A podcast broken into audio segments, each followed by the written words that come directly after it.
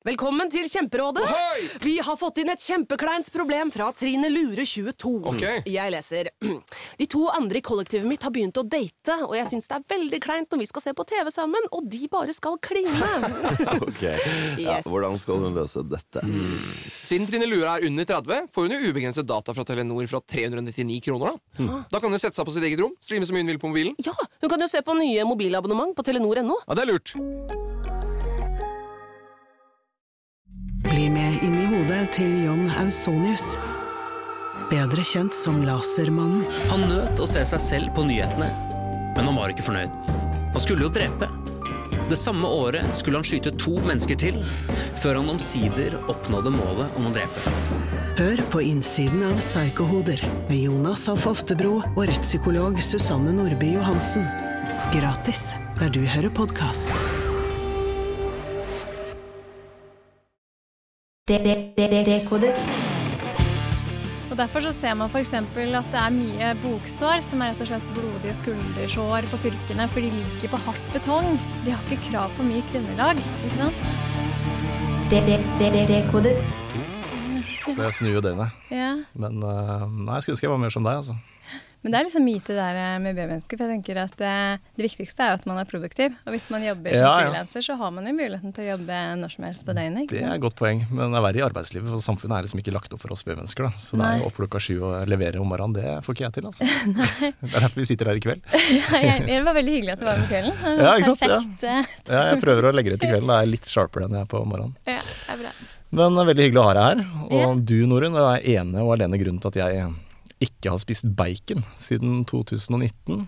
Det vil si jeg har eh, spist hvis jeg har fått det servert, da, for å være høflig og sånn. Oi. Eh, men jeg har ikke handla bacon i butikken, og det er fordi den dokumentaren den traff meg veldig hardt. da.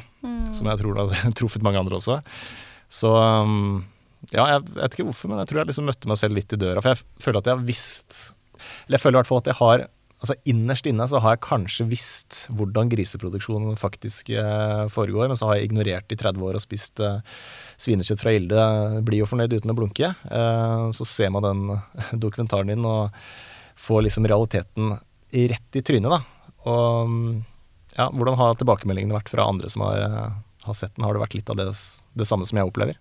Ja, eh, forresten takk for at du har sett dokumentaren. Det er jo ikke alle som har orket å se den, så jeg blir veldig glad når noen forteller meg at de har sett den. Um, det har vært varierende tilbakemeldinger. Eh, det er mange som har gjort sånn som deg, eh, at de har enten redusert eller kuttet ut, eller begynt å gå over på eh, frilansgris, f.eks. Mm. det er jo kjempebra.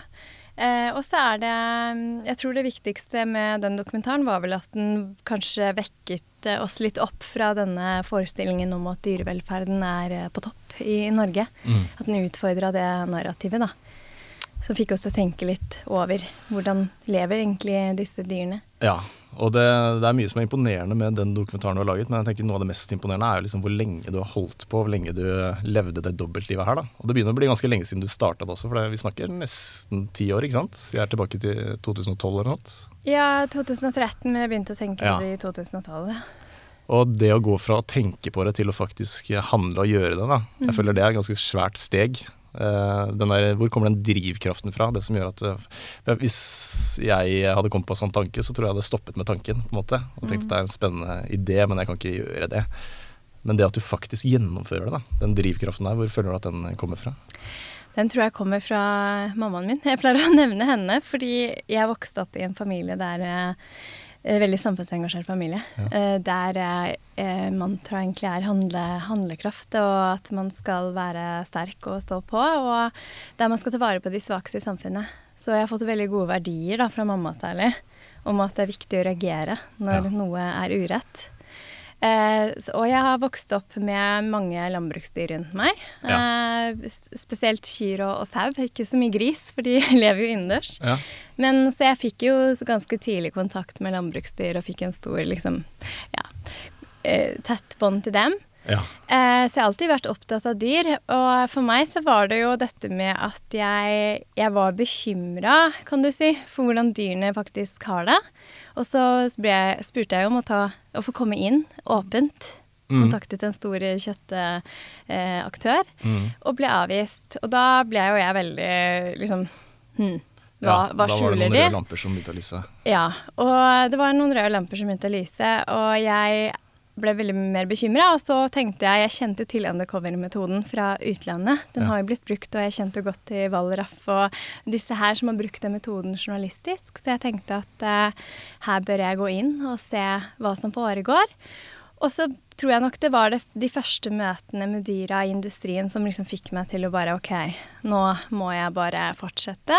Ja. Fordi det jeg ser, det bryter så totalt med det bildet vi blir presentert. Og dette må folk få vite. For det holder jo Ja. ikke bare at jeg ser det, jeg må også dokumentere det. Så når du starta det prosjektet her, så hadde du ikke noen tanke om at dette her skal vare i fem år? Da Nei. var det bare sånn jeg skal sjekke, bare sjekke ståa, hvordan det faktisk er. Ja. Og så ble det bare dratt inn i det, og da stoppa du ikke.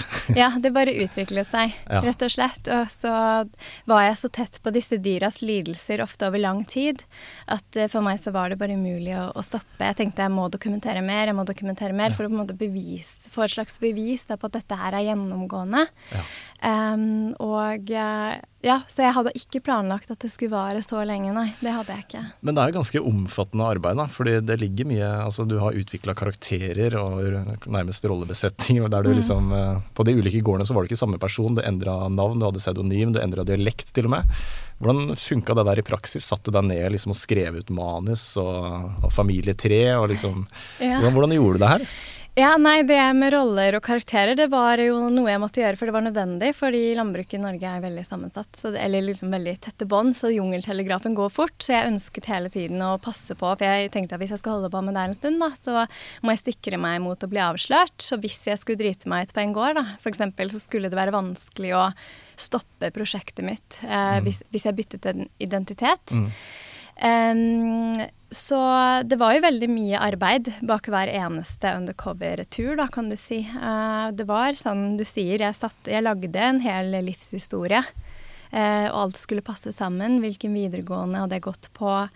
Eh, hvilke årstall var jeg født? Eh, hva het familien min? Hadde jeg noen koblinger til landbruket? Hvordan skal jeg passe på at eh, eventuelle besteforeldre som drev med gård, ikke ble gjenkjent eller på en måte kunne Ja. avsløre meg? Og dette med å sjekke bare det å finne navn. Altså finne et vanlig navn, men ikke et for vanlig navn. Men det måtte liksom Mm. passe med et Hvis jeg bodde i Drammen, så måtte det være x antall mennesker som het det navnet i Drammen. Oi.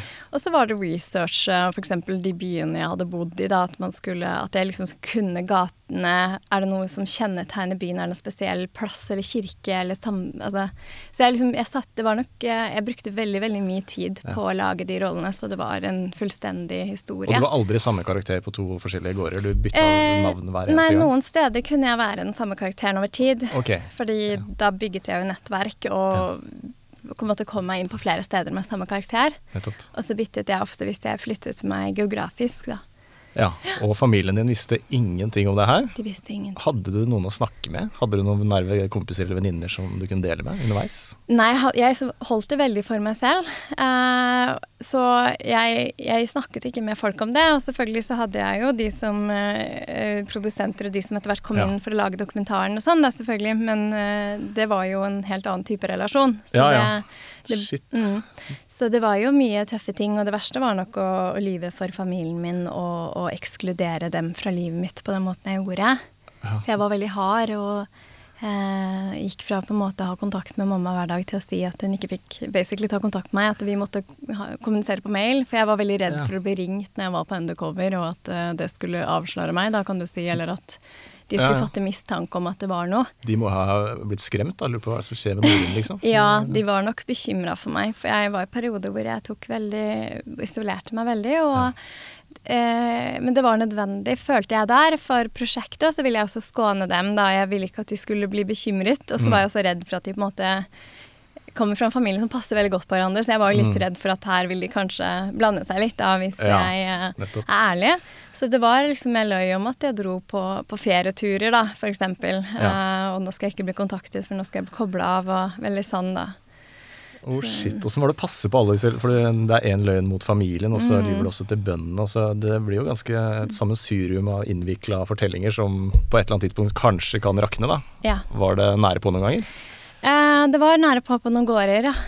Så det, det var jo liksom mantraet mitt hver gang jeg gikk ut av bilen inn på en gård eller slakteri, var jo dette er ikke dagen jeg skal bli avslørt. Nei, Eh, Jeg må klare å holde maska for dyra i dag også. Eh, For, det, for meg så ble dette prosjektet så viktig, for det var liksom det, det jeg kunne gjøre for dyrene. Og jeg så det jo, den lidelsen deres på så nært hold, at jeg skjønte jo det, hvor alvorlig det var for dem. Mm. Så jeg følte et veldig stort ansvar for at det ikke skulle rakne. Så klart. Uh, så det var et par episoder hvor, um, hvor jeg f.eks. filmet med et GoPro-kamera, for jeg trodde jeg var alene på en av gårdene. For jeg ville få litt sånn oversiktsbilder over fikserte purker, at de sto liksom fastbundet i bur. Eh, og da trodde jeg at jeg var alene i fjøset, og satt jeg med en sånn GoPro på huk og filma, og da plutselig ser jeg et hode stikke ut, ut en dør da, og se på meg, og jeg tenkte OK, Nå nå er jeg avslørt, liksom. men da valgte jeg å forholde meg helt rolig og ikke bare raske til meg kamera, men heller late som det var enn at jeg hadde sett på telefonen min, for jeg var Ja. bekymret for at purka var sjuk, så jeg skulle ringe noen eller et eller annet Ja. sånt. Så jeg klarte heldigvis å, å snakke meg ut av det. Uh, men da følte jeg at nå, nå eh, går det dårlig. Og så var det en annen gang hvor jeg ble spurt veldig mye om bakgrunnen min. Da jobbet jeg en, eh, egg, hos en eggprodusent og sorterte egg, blant annet. Og da, da ble jeg spurt veldig mye om hvor jeg hadde jobbet tidligere, og hvem som var sjefen min og sånn. Og så hadde jeg en historie da, som jeg trodde skulle være vann, vann, eller tett, da, sikker. Og så viste det seg at denne bonden kjente sjefen på det stedet hvor jeg sa jeg hadde jobbet, som jeg aldri hadde jobbet. Ok. Da også var det måtte jeg snakke meg ut av det. Ja, det klarte du. Du ble ikke avslørt. Det gikk bra, jeg ble ikke avslørt. Men da byttet jeg rolle etterpå. Da byttet du rolle Ja. etterpå. Shit. For da var det for eh, risikabelt. Ja. Mm. Uh, hvordan reagerte familien din når du kom clean og bare sa 'dette har jeg gjort de siste fem årene'? Uh, jeg sa det til min bror først. Han ble litt stressa, Uh, men han ble på en måte ikke overrasket, fordi jeg Jeg har alltid vært litt sånn Jeg tror, de, jeg, jeg tror egentlig ingen ble så overrasket, fordi jeg har vært en sånn person som alltid har gjort det jeg mener er riktig, hvis du Mm. skjønner. Og, um, men han ble stressa, og så sa han det ikke til noen av de andre i familien min, for jeg var opptatt av å liksom fortelle litt etter Ja. litt, da. Nettopp. Og to måneder før dokumentaren kom, så sa jeg det til mamma og pappa. Uh, og det var også fordi da hadde media begynt å fange det opp. At det kom en dokumentar, og da ville jeg ikke at de skulle lese om det i media. Så da tok jeg en prat med både mamma og pappa, og, og faren min ble veldig stolt, faktisk. Og han, han ble veldig rørt, da, Mm. for han er også veldig glad i dyr. Mm. Eh, Syntes det var viktig det jeg hadde gjort. Og mamma også ble liksom, ja, stolt, og um, det var, de reagerte egentlig på en mye mer positiv måte enn jeg hadde trodd. Ja, så bra, da. Mm. Men du satt jo mye på spill her, da, fordi du visste vel ikke underveis at dette kom NRK til å kjøpe opp, og de kom til å sende den eh, dokumentaren om tre år. Så det Nei. kunne jo være at du hadde gjort eh, fem år undercover-arbeid forgjeves, på en måte. Ja, Uh, Og da jeg starta med det her, så hadde ikke jeg noen tanker eller kunnskap om at dette kom til å bli en dokumentar. Jeg Nei. tenkte bare at jeg skal dokumentere dyras forhold og finne ut hva som foregår. Fikk du noe støtte til å drive det arbeidet her, eller Nei. ofra du inntekt og alt mulig, altså? Jeg tilpassa hele livet mitt til det prosjektet Shit. her. Så jeg jobbet jo som lærervikar ved siden av for å få Ja, penger. og så hadde jeg studiestøtte, da. Mm. Fy steike, det er litt av et prosjekt. Eh, kan vi bare ta det liksom fra, fra starten, var det For du var innom eh, 13 ulike gårder, ikke sant? Ja, Til sammen var jeg innom 15 gårder, ja. 11 slakterier, ruggeri og dyretransport. Så jeg var på en måte innom hele verdikjeden på både kylling og gris. Nettopp, ja. Mm. Og kom det der sjokket allerede etter første besøket på første gården? Så bare Oi, er det sånn uh, industrien fungerer? Ja, jeg, jeg ble sjokkert, uh, for jeg visste ikke Det var så på en måte Det jeg syntes var mest interessant, var at med en gang jeg på en måte var en del av dem, så falt på en måte den fasaden Mm. vekk. Med en gang jeg skulle bli grisebonde også, så Ja. ble jeg behandlet som en av dem. Og det slo meg kanskje hvor raskt jeg fikk faktisk se hvordan det egentlig foregår, da. Ja, du, det var interessant. Fordi mm. det var liksom sånn eh, Det reagerte også på i dokumentaren at eh, når de bøndene møter deg for første gang, så er det helt sånn usminka. og Det er ikke noe sånn at de prøver å skjønnmale noe som helst. Det var nærmest som om de liksom koketterte litt over at det å være grisebonde, det er faen ikke noe, kjære mor, liksom. Nei. Se vi, eh, hvordan vi må gjøre for å overleve. Ja. Eh, og da tenkte jeg at det du hadde jo ikke, De hadde ikke vært så De hadde ikke vist det der usminka bildet hvis eh, de hadde visst at de var unntaket fra regelen. Mm. Eh, Så det må jo være sånn at de tenker at eh, De vet jo at det er andre som også driver sånn. At kanskje majoriteten av grisebøndene må drive på den måten. Ja. Og derfor tør de å være så ærlige også, ikke sant. Mm. Hva tenkte du om det? Ja, nei jeg, jeg reagerte også litt på det at de var så åpne, men det var jo samtidig positivt, da. Ja, ja. Men, men jeg tror nok det er som du sier, at dette Det som folk må forstå For jeg har aldri vært opptatt av disse enkeltpersonene, og det er jeg veldig opptatt av å Mm. si. Fordi de er bare et resultat av en, en ekstremt effektiv eh, griseproduksjon. Mm. Og jeg tror jo at hadde man satt disse menneskene inn i en helt annen driftsmåte, så hadde Mm. de oppført seg annerledes. Um, så jeg tror nok også det at de var såpass åpne fordi slik jeg opplevde det, så er det en slags subkultur der det brutale er normalen, Mm. og ingen reagerer. Og det er jo veldig mye av det brutale som også er lovlig. ikke sant? Eh, det å slå i hjel grisunger eller å holde griser på 0,65 kvadratmeter eller ja, betongbingene, drivingen. Mye av volden er ikke nødvendigvis heller ulovlig. Så, så det er veldig mye av denne måten å drive på som er lovlig. Og um, jeg tror nok det er litt det at for dem så er dette hverdagen og ikke noe de skjemmes over fordi, eller tenker at andre agerer på. For det er eh, De får aldri utfordra den, den måten de driver på. Og det var jo det inntrykket jeg satt igjen med etter å ha sett dokumentaren. Du blir ikke sur på bøndene. Det er jo Mm. industrien som er helt uh, fucked up. I hvert fall det inntrykket jeg satt igjen med. da. Yeah. Men når du liksom vasser i død og lidelse hver dag, eh, eneste dag, så blir du blasert og følelsesmessig avstumpa, som du sier i, i dokumentaren. da. Yeah. Og det, er uh, og det må jo være gjennomgangsmelodien i store deler av Jeg mener hvis du har vært innom 15 farmer eller 13 eller hva det var, og har funnet avvik hos samtlige av de gårdene Det er ikke sånn at du prøvde å finne eh, gårder eller farmer som var spesielt eh, grote... eh, ja, ikke sant? Nei, de var tilfeldig utvalgt. Enten at jeg la ut annonser, så ble jeg selv kontaktet, eller at det ble kontaktet gjennom f.eks. landbruksformidling eller eh, landbrukstjenester og sånne ting. Så, Ja. Og dette var I ettertid gjorde jeg også research, og da var det jo, viste seg at de hadde tillitsverv, eller hadde hatt lederverv. En hadde fått tilsyn for Mattilsynet i dyrevernnemnda. Så disse var ressurssterke folk. Jeg fikk veldig godt inntrykk av dem. Gode folk som var godt likt i lokalmiljøet, og det var ikke noe galt med dem i det hele tatt. De var Nei. som deg og meg. Ja, ja. Men de, med en gang de gikk inn i, i fjøset, så, så endret alt seg. ja. Ikke sant? Mm. Og ja, men det, så hvis vi hadde vært eh, grisebonde og måtte operere på samme premisser, på en måte, så kunne det skjedd med oss òg, da. Var det Ja. ikke litt sånn du Ja, det er det jeg mener. At eh, alle Jeg har jo møtt også slakteriene, som, sant, det som ikke kommer fram i dokumentaren. Jeg har møtt også folk som jobber på slakterier, som Mm. også er gode folk, og innimellom snakket om eh, hvordan de følte det. mm, Og det sitter langt inne for dem. mm, Men det var Det var det, det er folk som reagerer, men de får ikke gjort noe med det fordi systemet er rigga sånn at uh, dyra må drives på samlebånd på slakteriene. Du kan Ja. ikke ta hensyn til deres følelsesliv eller behov, som med griseindustrien. Hva kan bøndene gjøre når de, det ikke er lønnsomt å drive på en annen måte enn å ha griser tettpakka i en betongbinge? Ikke sant? Da er det lettere å bare innbille seg at dette er ok, for du har ikke råd til å gi dem noe annet, og det er lovlig å drive på den måten. mm. Så, um, så jeg tror det også er liksom viktig å ha forståelse for at man endres, og, og det fikk jo jeg selv oppleve òg. Det er jo noe jeg har vært opptatt av å få frem. Denne avstumpingen som kommer snikende til slutt og tar deg igjen. Mm. Hvor man til slutt blir nummen Mm. og ikke lenger reagerer like sterkt på Hvor det lang tid tok det for deg fra du liksom reagerte med sjokk og vantro til du faktisk ble nummen? Og, Ja, Det tok ganske kort tid, jeg tror det var ca. et halvt år. Da Ja. gråt jeg ikke lenger, og da husker jeg ble vettskremt og tenkte hva slags monster har jeg blitt? ja. Jeg ble livredd, eh, for jeg har alltid vært et ekstremt følelsesmenneske. Ikke takla dyremishandling. og Ja. plutselig så gikk liksom Det er ikke det at empatien forsvinner, det er jeg veldig opptatt for. Mange tenker jo at det å tårer er det samme som empati, men Mm. empati handler ikke om det.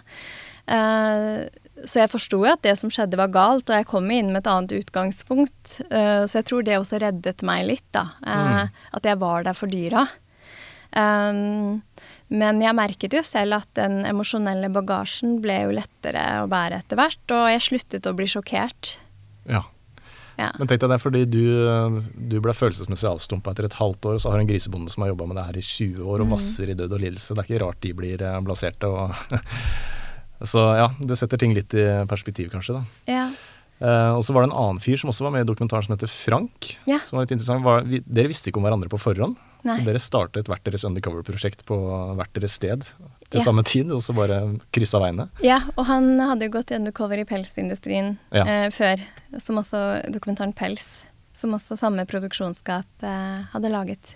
Mm. Og regissør Olav Vangen. Men Samarbeida dere etter at dere hadde møttes? Ble det et, et felles prosjekt, eller drev dere hver? Mm. Nei, det, vi drev jo hvert vårt, men uh, som de sier det, så ga han jo meg det materialet, eller ga og ga, men han på en måte stoppet med sitt når han skulle ut eh, med pels, uh, pelsdokumentaren, da, kan du Mm. Ja, si. Eh, og da fortsatte jo jeg alene.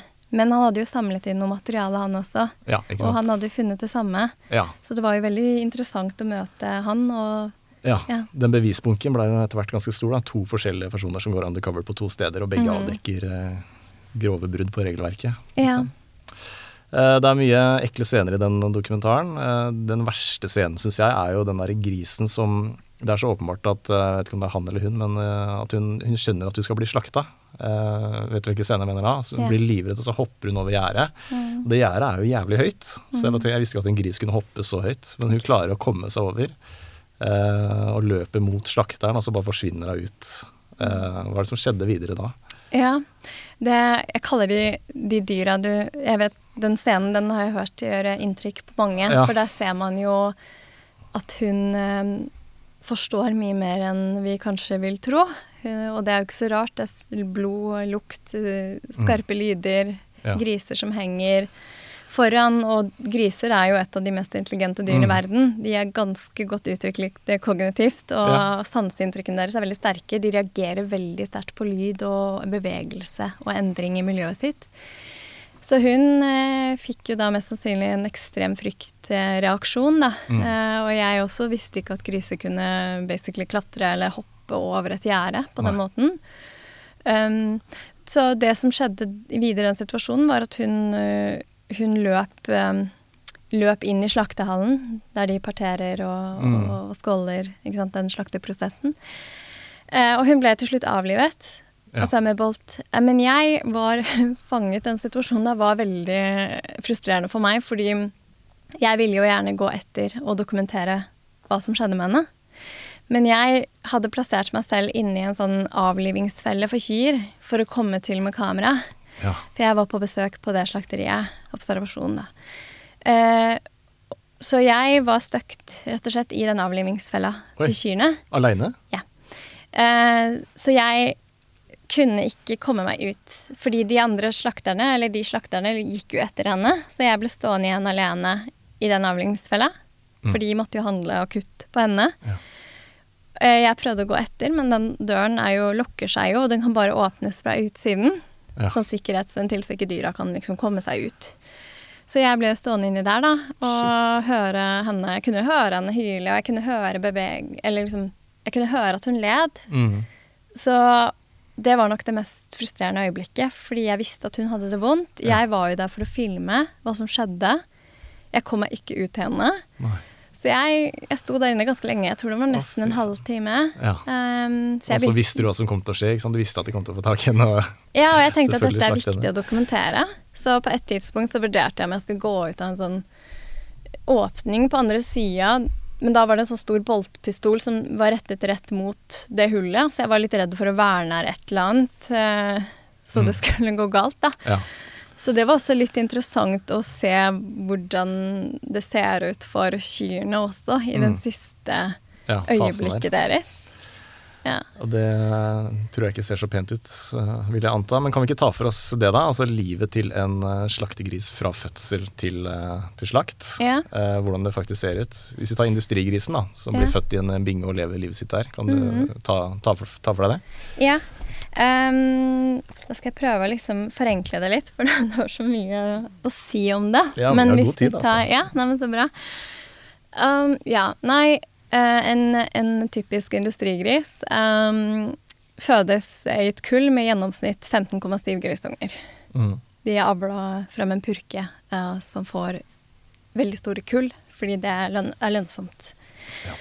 Ehm, så de fødes typisk med lavere fødselsvekt enn det man f.eks. ville hatt ved mindre kull, så det er en litt sånn tøff start for dem Mm. eh, når de fødes. De har lavere fødselsvekt. Ja. Um, Og så skal de da kjempe om å få tak i spenene, og purka har jo ofte ikke nok spener til alle. Fordi en purke har typisk 12-14 spener. Mm. Hvis du får 16 grytunger, så er det Ja, eh, utfordrende.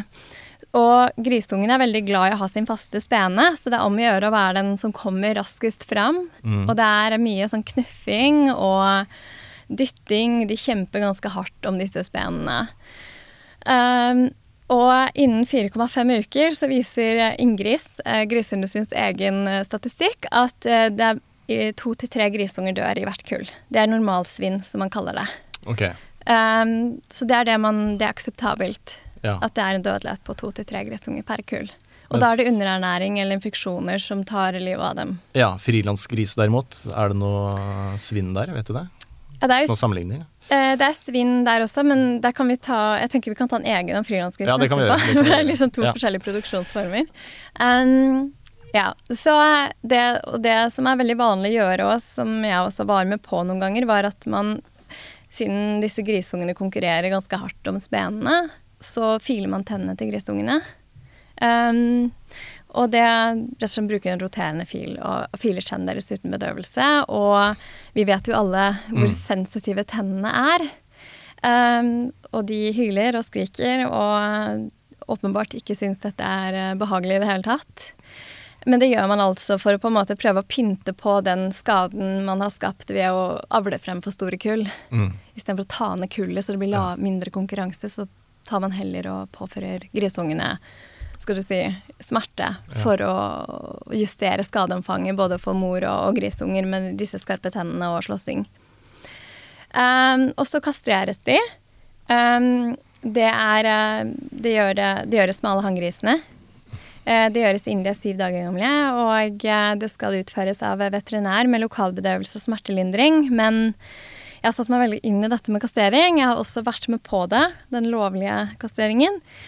Og um, denne lokalbedøvelsen For det første så gjør det veldig vondt for dem når eh, det presses veldig mye væske inn i testiklene deres på for kort tid. Eh, og så er det heller ikke slik at eh, alt blir bedøvd, for det er, eh, det er det forskning på som viser at eh, smertene reduseres, så det er selvfølgelig bedre enn å ikke bedøve. Men det er veldig vanskelig å bedøve denne strengen og den muskelen som sitter bak testiklene. Så når du skjærer av strengen, så reagerer grisungene med å hyle og kaste hodet bakover og lukke øynene, og det er, det er deres smerterespons. Selv om de er bedøvet, altså. Ja, det er hovedsakelig testiklene og, det, og Ja. huden som blir best bedøvd. Ikke sant? Og så er det heller ikke slik at man kontrollerer bedøvelsen. Eh, det er samlebåndkastrering. Eh, man- veterinæren kommer, bedøver opptil 100-140 grisunger på en gang. Går sånn, løfter dem opp, eh, bedøver dem, går videre. Og så steller eh, f.eks. jeg da, og avløs, den andre avløseren og bonden seg og holder grisungene etter beina. Og så går da veterinæren mellom oss som en sånn samlebånd, og så slipper vi det inn i bingen igjen. Eh, og da går disse grisungene også rundt med infeksjon eller store sår, åpne sår. Og uansett hvor rent man har de bingene, så er det økt risiko for infeksjonsfare med disse store åpne sårene. Og det er også vist gjennom forskning at disse grisungene opplever også smerte i etterkant av inngrepet. Eh, og det gir dårligere appetitt, eh, f.eks. De spiser mindre, og det igjen øker risikoen for dødelighet. Og så har du denne infeksjonsfaren. Så det er en smertefull prosedyre selv om man bruker lokalbedøvelse. Og til sammenligning så legger vi jo både hunder og katter i narkose når vi utfører det samme inngrepet. Og hele poenget med den kastreringen her, det er smakspreferanse for uh, tilsynelatende så skal kjøttet smake annerledes hvis grisen er kastrert, eller er det riktig? Ja, eh, mm, Man regner med at rundt 12% av hanngrisene utvikler det som kalles rånelukt på kjøttet innen Ja. de slaktes eh, når de er 5,5 måneder gamle. Og fordi man ikke kan kontrollere hvem som utvikler denne lukten, så kastrerer man alle. Men eh, eh, i andre land, EU har jo vedtatt å fase ut kirurgisk kastrering. Eh, Så i land som Tyskland, Belgia, Frankrike og Nederland har man nå begynt å fase ut. Og da bruker man f.eks. noe som heter immunologisk kastrering, som er rett og slett en injeksjon som stopper utviklingen av disse androtestosteron og disse stoffene, skatol. Um, og så, eller så driver man med ren hanngrisproduksjon, der man heller slakter de ut litt tidligere. Og i England f.eks. kastrerer man ikke i det hele tatt. Og i Norge har vi egentlig et vedtak om å forby kirurgisk kastrering i sin helhet fra allerede 2002 ble det vedtatt. Og det skulle tre i kraft fra 2009. Men eh, næringsinteressene var bekymra for at det ville Det var ikke et godt nok alternativ på den tiden, så man fikk utsatt det på ubestemt tid. Og nå har det jo kommet alternativer, og EU-landene har vist at det er mulig å fase ut. Eh, men i Norge så henger vi etter, og det er kun 1,3% av norske hanngriser som ikke blir kirurgisk kastrert i dag. Shit, så Norge er et av få land som fortsatt driver med den praksisen her, da. Ja, det er ganske mange land som driver med det, men i europasammenheng så henger vi etter. For der Ja. er det flere land som kastrerer i mindre omfang enn oss, og er i gang med å utfase denne metoden. Ja, Mm. shit. Ok, så det er altså grisungene blir født, de er, det blir født for mange, det er ikke nok uh, spener, og så eh, får de slipt tenna ut med døvelse, og de blir kastrert. Smertefull kastrering med åpne sår der det fort kan gå betennelse i. Det er jo en, en dramatisk start på livet. Hvordan, hvordan ser livet ut videre? Ja, og de som overlever, fordi som sagt gjennomsnitt to til tre dør innen 4,5 uker. Eh, når de er 4,5 uker, så avvennes de, altså tas fra purka. Mhm. For purka så er det ikke så problematisk, fordi hun er så sliten da etter å ha fostra fram så mange grisunger og gitt så mye av reservelagrene på kroppen sin, så hun Ja. blir jo tynnere, mens grisungene blir feitere. Og hun er bare en fødemaskin, ikke sant? Ja, vi kan komme til henne fordi purkene er også et trist kapittel. Um, så for purka så er det egentlig litt godt å slippe. Du har ikke det samme båndet som man ser hos eh, ku og kalv, f.eks. Um, grisungene derimot, de er for unge. Det er for, de er for små til å bli avvent så tidlig. De skulle gjerne vært på hatt én eller to måneder til.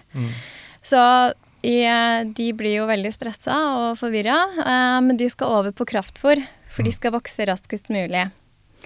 Um, så, og da øker risikoen for det som kalles diaré, og de første to ukene etter avvenning så må man passe veldig godt på, for da er det en del grisunger, som, eller smågris, da kalles de det, som kan eh, bli sjuke eller få diaré, som kan spre seg. Og, ja, og da er det en del avliving innimellom. Um, så, og så legger de på seg én kilo daglig. Man har avla fram Oi. en gris, en slaktegris som legger på seg én kilo daglig. Og det øker også risikoen for benproblemer, mm. hjerte-karsykdommer og andre ting. Um, og benlidelser er jo den hyppigst registrerte lidelsen uh, på grisefarmene ifølge deres egen statistikk. Ja. Betennelser i bein og Ja, ledd og halthet og, og sånne ting. Uh, så de, de vokser altfor fort. Mm. Men det er for å ta ned tida, oppfôringstida. Så den norske grisen i dag, den spiser mindre fôr, og den vokser raskere pga. avl ja. og kraftfôr. Uh, så lever de da i disse bingene. Eh, det blir stadig trangere plass. Mm. Og når den veier rundt 80 kilo, så har den en gris 0,65 kvadratmeter med plass hver. 80 kilo, 0,65 Mm. kvadratmeter plass. Ja. Den kan så vidt snu seg, liksom. Ja, og i tillegg til at de er veldig aktive dyr, eh, disse grisene, særlig slaktegrisen, blir, de er Mm. veldig aktive, de trenger mye stimuli for å trives. Så, um, og dette lille strøet, jeg tror veldig få vet egentlig hvor lite strø som regelverket krever. Eh, for det er snakk om en spøne eller to i hver binge med strø, sagflis. Og så er det en neve med halm som kastes inn i bingen, som da opptil 11 slaktegris skal deles, dele på. Så det er veldig lite stimuli i det miljøet, og fagmiljøer på dyrevelferd på NMBU bl.a. har jo slått fast at kjedsomhet er et stort eh, dyrevelferdsproblem for slaktegris. For de har denne trange plassen, som gjør det vanskelig også å få mosjon og bevegelse, og så har de veldig lite å sysselsette seg med. Og da skjer det som dessverre skjer altfor ofte, det er at disse grisene kan utvikle stereotypisk atferd. Det, er, eh, det kommer etter langvarig frustrasjon over mangler i levemiljøet. Mm. Så griser som ikke viser denne atferden, kan også ha det vondt, for det tar tid før det utvikler seg. Og typisk for slaktegrisen, det er at de biter på halen til hverandre. Det er på en måte den ene indikatoren man kan se på. Men problemet er at det fins mye annen stereotypisk atferd også, som ikke er like lett å oppdage. Og det er f.eks. dette med biting på bingeinventar. Ut, Formålsløs biting. At de bare biter og biter og biter. Og at de drikker veldig mye vann fra denne drikkenippelen i bingen. Eller at de svelger luft eller veiver med hodet. Oi. Så de viser mistrivsel på flere forskjellige måter, og det er vanskelig å oppdage det Ja. Um, hvis ikke det er halebiting. Det er ikke så overraskende at de viser tegn på mistrivsel da, når de har 0,65 kvadratmeter og boltrer seg på og veier 80 kilo. Ja. Og hvor gamle er de da, når de når den vekta? Oi, nei, Det er ikke sånn nøyaktig, men sånn Ja. For de slaktes vel eh, raskere enn jeg trodde, for det er vel, de blir vel ikke et år engang? nei, de slaktes i gjennomsnitt når de er rundt 5-5,5 måneder gamle. 5,5 måneder, ja. Ja, da har de runda liksom litt over 100 kilo. Det er kanskje en eller annen merkelig trøst i at de slipper å lide lenger enn det, da.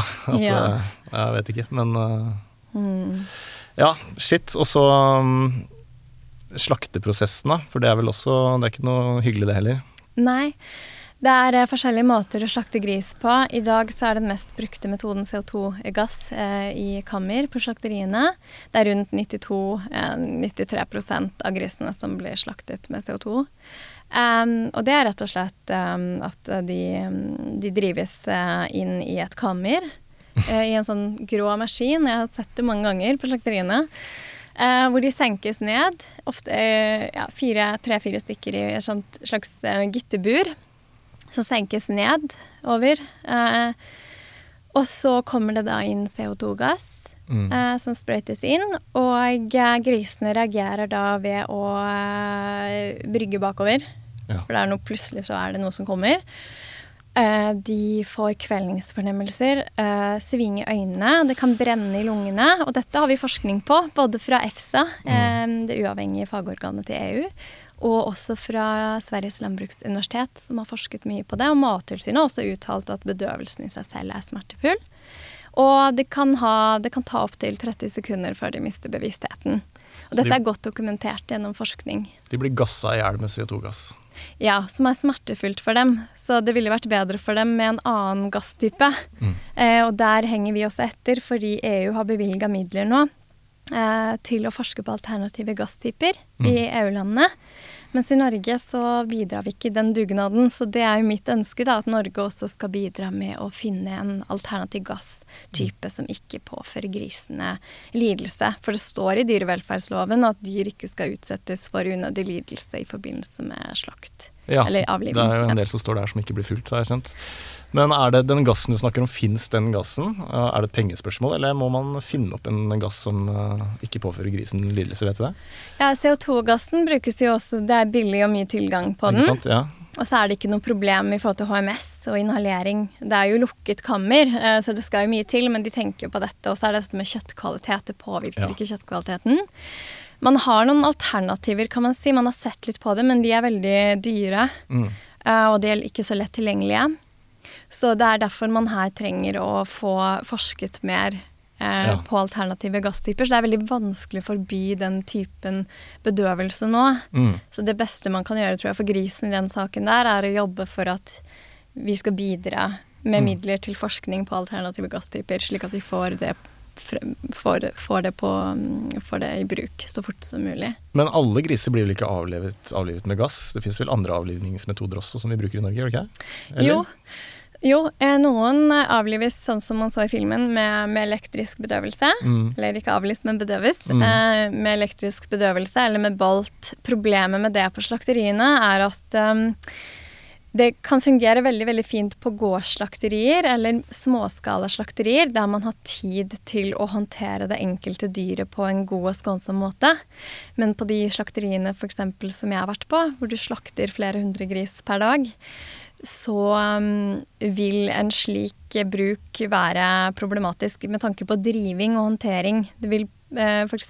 Før, før vi begynte med gassen, så pleide man å drive grisene gjennom en sånn tunnel, kan du si, og da brukte man elektrisk drivstav ga dem støt, og grisene ble veldig stressa, og de ble separert fra hverandre, og det liker de heller ikke. Så min innvending til det er jo at eh, selve håndteringen og drivingen og mm, rundt de andre bedøvelsesmetodene er også et problem på større slakterier. Så derfor så tror jeg at det er viktig med denne mm, alternative gassen. Jeg, for jeg vil ikke at vi skal Jeg ville aldri anbefalt at man skulle gå tilbake til elbedøvelse eller bolt på alle slakterier. Det kan være fint på gårdsslakterier Mm. og eh, på, på småskalaslakterier, men ikke på alle de store slakteriene vi har i dag. Ok, skjønner. Men uh, transporten til slakteriet er også problematisk, har jeg skjønt. At det er, eh, grisen har ikke godt av å bli transportert så, over så lange distanser over så lang tid. klemt sammen. Eller jeg veit ikke åssen det funker, men Ja, eh, absolutt. Transport. Eh, Næringa liker jo å påstå at griser er spesielt egnet for langtransport, men det er det jo ikke. Eh, forskning har vist at de viser tegn på eh, bilsjuke, sånn som oss. De kan bli kvalme eh, og, og liksom føle seg dårlige. Og selv om grisene ligger ned på um, plattingen eller i, i bilen, betyr jo ikke det at de har det bra. Det betyr jo at de, de legger seg ned, for det er veldig ubehagelig å stå oppreist på en slaktebil.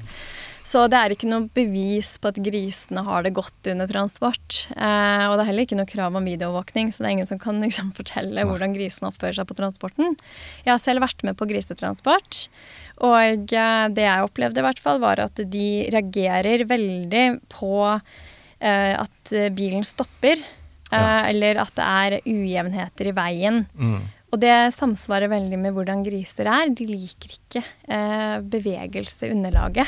De Nei. liker ikke mye lyder. Eh, de er veldig vare for sanseinntrykk. Så det å putte dyra på transport, det er stressende for dem. Og så I tillegg kommer dette med at de blander sammen med griser de ikke har vært i Mm. binge med tidligere. Og da kan det bli et problem med tanke på denne rangordningen og Ja. hierarkiet, så da kan det bli slåssing og knuffing. Det er heavy greier, ass. Bare se for deg, bare prøv å tegne bildet her. Altså, du blir, eh, du blir født inn i et mareritt med død og lidelse og smerte. Og så varer det marerittet i fem og en halv måned. Og liksom enden på marerittet, det er ikke at det blir litt bedre før det er over. Det er liksom at det blir enda verre.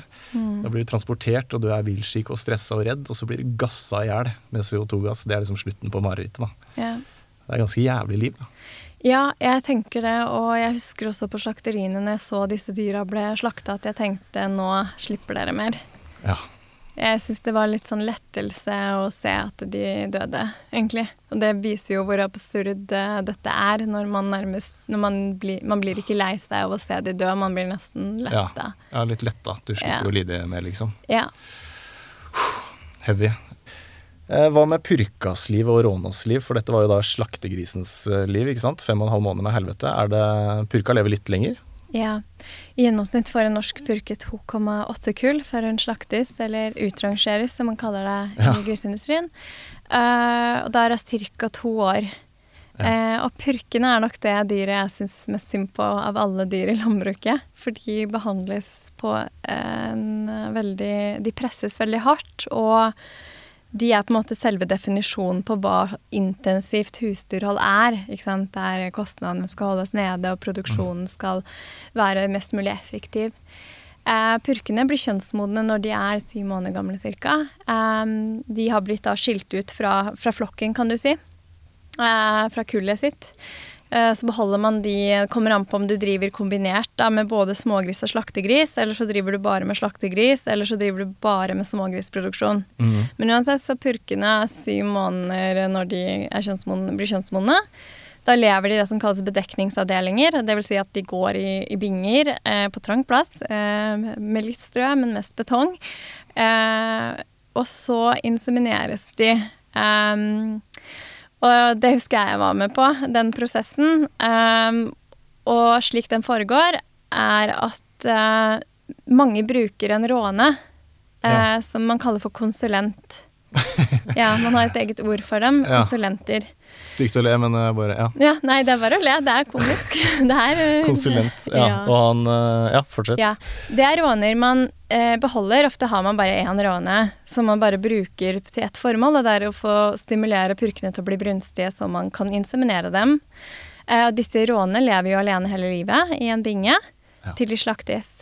Eh, og tas bare ut når de skal pirre purkene, kan du si. Ja. Så de også har et veldig trist liv, fordi griser er veldig sosiale dyr. De trives ikke alene. Men rånene er det gjort et unntak for. De kan oppstalles alene hele livet sitt. Eh, og jeg har hatt flere møter med råner der de har vært helt desperate etter oppmerksomhet og kontakt. Uh, så det er et trist kapittel også i seg selv. Ja. Så det man gjør, man eh, tar ut av denne råna, putter den inn til purkene for at råna skal liksom stresse dem opp og gjøre de klare, da, kan du si.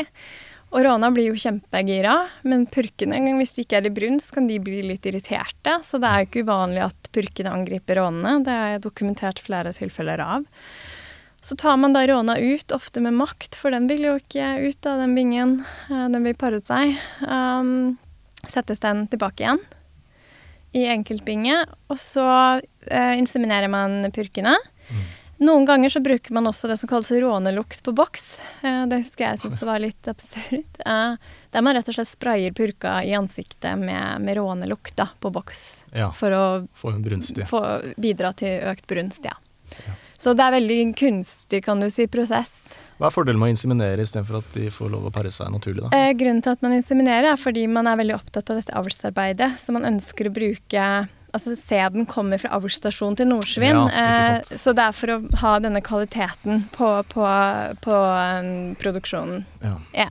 Så når purkene har eh, blitt inseminert, så er, går de gravide i tre måneder, tre uker og tre dager. Så det er ganske sånn lett å huske. 333. 333? Ja. Ja. Um, og en uke før fødsel så flyttes de inn i, i det som kalles fødeavdelingen i fødebingene. Og så føder de da disse store kullene. Problemet også er at eh, purker, eller griser, er et av få pattedyr som bygger rede til ungene sine. Det er veldig viktig eh, mors eh, behov de har. Eh, så hvis de får muligheten til det, så samler de kvister, de graver en grop og samler kvister og gress og lager et slags rede, da. Og redebygging, det stimulerer et hormon hos purka som heter oksytocin, som gjør at purka får, skal vi si, booster morsegenskapen hennes, og hun blir mindre stressa. Det virker stressdempende på purka, og det er viktig for at hun skal ha en, også en ganske sånn man har sett at redebygging også fører til mindre komplikasjoner og raskere fødsel på purka. Så det er veldig viktig for henne å få redebygga. I griseindustrien så er det krav om redebyggingsmateriale, men det er altfor lite. Og det er bare krav de eh, tre dager før fødsel. Så får de en sånn neve igjen da med halm. ja. Som det, det er det eneste de får å lage rede med. Så det er altfor lite. Så disse purkene er veldig stressa i forkant av fødsel. Eh, for de får ikke bygget dette ordentlige redet som de vil ha. Eh, så det er også et problem, et velferdsproblem for purka. Så føder hun disse store kullene, og er nå i gjennomsnitt 16, eller 15,7 da, grisunger per kull. Som hun da prøver å fostre frem så godt hun kan. Eh, hun må die, eller gi melk, da, veldig mye, mange ganger i løpet av en dag, for å gi bare melk eh, sånn to minutter om gangen. Og grynter hun, så kommer grisungene.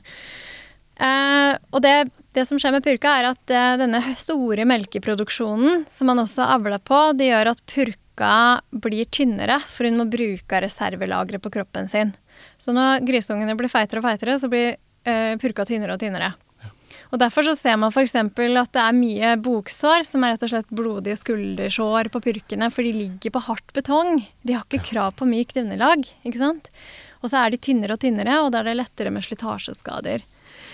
Så når purkene har hatt grisungene hos seg i 4,5 eh, uker, så er hun veldig sliten og utmatta, ofte mye tynnere. Og da settes hun i, tilbake i bedekningsavdelingen med de andre purkene. Og hva skjer når man blander mange ukjente purker? Jo, de begynner å slåss. Ja. Så rangkamper, sier næringa sjøl, er uunngåelig, og de kan vare i opptil én til to dager. Og det kan se veldig stygt ut. Det er noen scener eh, der man ser noen purker som er blodige eh, bittsår i Griseindustriens hemmeligheter, og det er etter disse rangkampene. Der slåss de heftig. Og de har altfor liten plass, så de svakeste purkene har ikke anledning til å trekke seg unna, og blir da plaga. Um, og så, etter bare eh, gjennomsnitt nå fem til seks dager, så blir purkene inseminert på nytt. Så purkene får bare fem til seks dager med hvile mellom avvenning av grisungene og ny graviditet.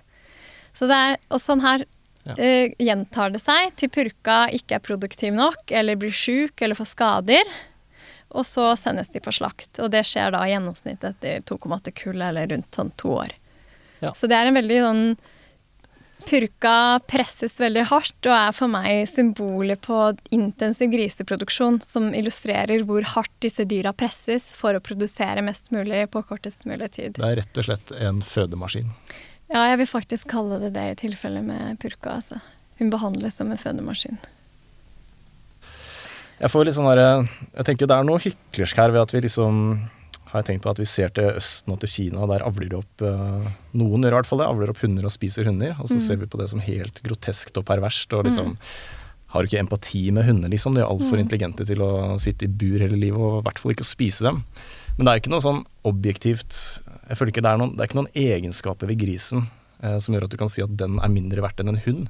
Nei. Det er jo kulturelt og tradisjon, ikke sant. Mm. Så jeg bare ser for meg hvis vi hadde liksom eh, skifla elleve engelske setter inn i, et, eh, inn i en binge, da, Mm. og de hadde ikke fått lov til å løpe eller eller utføre noen naturlig atferd i det hele tatt, og så hadde de blitt sendt til slakteriet for å bli gassa i hjel. Så hadde vi jo gått med fakkeltog ut i gaten og sagt at dette er dyremishandling og tortur. Yeah. Men det er ikke noe forskjell på det, egentlig, annet enn at, vi, eh, at gris er mat. da, Og fordi det er mat, så verdsetter vi det lavere. Ja. Men det gir jo egentlig ikke noe mening. Altså Nei. Hvis vi kaller det tortur, eh, det at hunder er innesperra, så er det også tortur at grisen er fanga. Ja, Det man har gjort i lovgivningen, er at man forskjellsbehandler dyr ut fra hvilke formål de har. Det skrev jeg faktisk om Ja, i ok. masteroppgaven min også, denne forskjellsbehandlingen i, i loven. Ja. Og eh, eh, hvordan man behandler dyr og hva som er tillatt å gjøre med et dyr, er eh, basert ikke ut fra dyras egenart og artstypiske behov, Nei. men det er basert på hva slags formål vi har med dyra. Og hva som er nødvendig for å holde en produksjon i gang, f.eks. Og når det gjelder griseindustrien, så er det per i dag nødvendig å behandle dyra på den måten vi gjør, for å holde skal si, maskineriet i gang på Ja. en mest mulig intensiv og kostnadseffektiv måte. Eh, så det som jeg syns var spesielt interessant, var også dette med vold.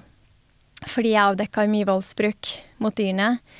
Og eh, i forbindelse med griseindustriens hemmeligheter så et, etterforsket jo Økokrim eh, hen- hendelsene i dokumentaren.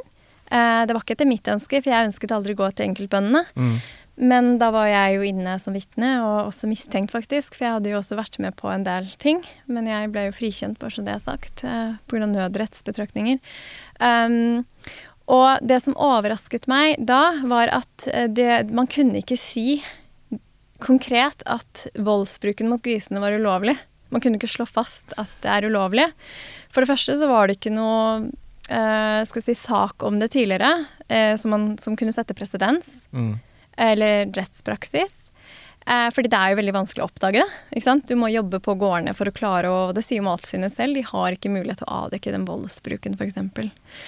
Eh, og så var det også dette med at det åpnes Det det er forbudt å, å gjøre, er å u- påføre dyr unødig lidelse. Så hvis volden har en slags formål, da, så kan det være lovlig.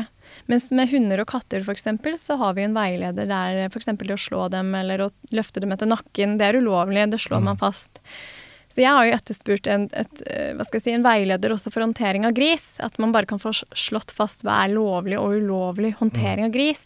Men det ønsker man altså, eller det har ikke kommet på plass. Nei. Så det også er jo urovekkende og også sier noe om denne forskjellsbehandlingen i definisjonen av hva vold er. Mm. Det varierer mellom de ulike husdyrene eller dyra.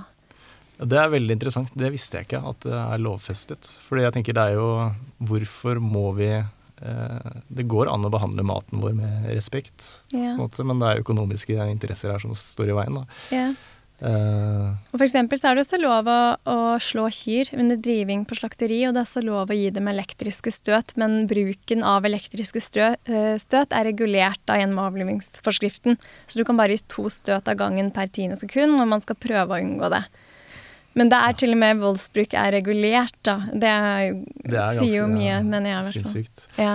Men uh, husråd har ikke alltid blitt gjort på den måten her. Er det ikke noe som skjedde på 90-tallet? At det kom en endring der man skulle effektivisere og volumproduksjon ble premiert? ja, riktig. Uh, hvorfor i all verden? Penger, Mm. selvfølgelig. Men uh, hvem tjener på det? her? For det virker ikke som bonden tjener på det her. Bonden tjener jo ikke penger på grisen, han blir jo subsidiert. Er det sånn jo mer han produserer, jo mer subsidier får han tilbake? Sånn at eh, det lønner seg å drive storproduksjon? Da. Ja, det som er i dag, eh, er at, og det syns jeg det er fint at du tar opp, fordi eh, denne utviklingen i husdyrholdet, særlig for gris og kylling spesielt, som skiller seg vesentlig fra småfe- og storfeproduksjon, i 1990 ca. Så, så vedtok et bredt flertall på Stortinget at man skulle mm, øke skal si, selvforsyningsgraden i Norge. Og så pekte man litt på at eh, her kan vi ta i bruk eh, kylling- og griseproduksjonen for å øke andelen av norskprodusert mat. Ja. Og man ønsket også samtidig å effektivisere eh, grise- og kyllingproduksjonen. Eh, og at det skulle bli mer forbrukerretta, dvs. Si billigere kjøtt. Mm. Eh, og det som skjedde da, var at bøndene ble på en måte tvunget til å omstille seg. Det var ikke noe de eh, sto i bresjen for og ønsket. Eh, og tilskuddsordningene blir innretta slik at eh, volumproduksjon eh, premieres. Så skal det sies at grisebøndene mottar bare 3% av det samla tilskuddene i landbruket, så de må jo ta ut eh, den største inntjeningen fra markedet. Og når også grisekjøttet er kunstig lavt, Mm. så sliter jo grisebøndene.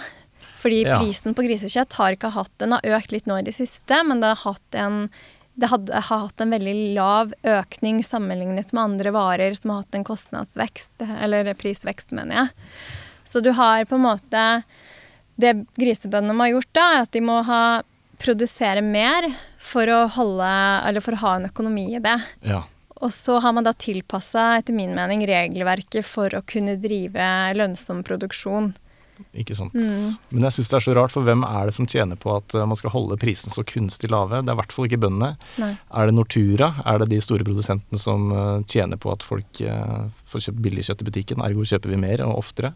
Mm. Eller er det for å forhindre import av utenlandsk kjøtt, kanskje? At man vil at mesteparten skal være produsert i Norge? Ja, det er nok flere hensyn, men det er jo, hovedsaken er jo dette med at det skal være forbrukerretta og markedsorientert, som er på en måte en setning som går igjen i jordbruksmeldingene eh, Ok. fortsatt. Eh, og eh, forbrukerne tjener jo på det, åpenbart. Eh, bøndene tjener ikke på det, som du sier. Eh, du har jo, man har jo sett Bondeopprøret, der de Mm. gjorde opprør. Jeg skulle ønske det var mer fokus på grisebøndene der, for det var stor, Ja. stort sett melkebøndene som sto i bresjen.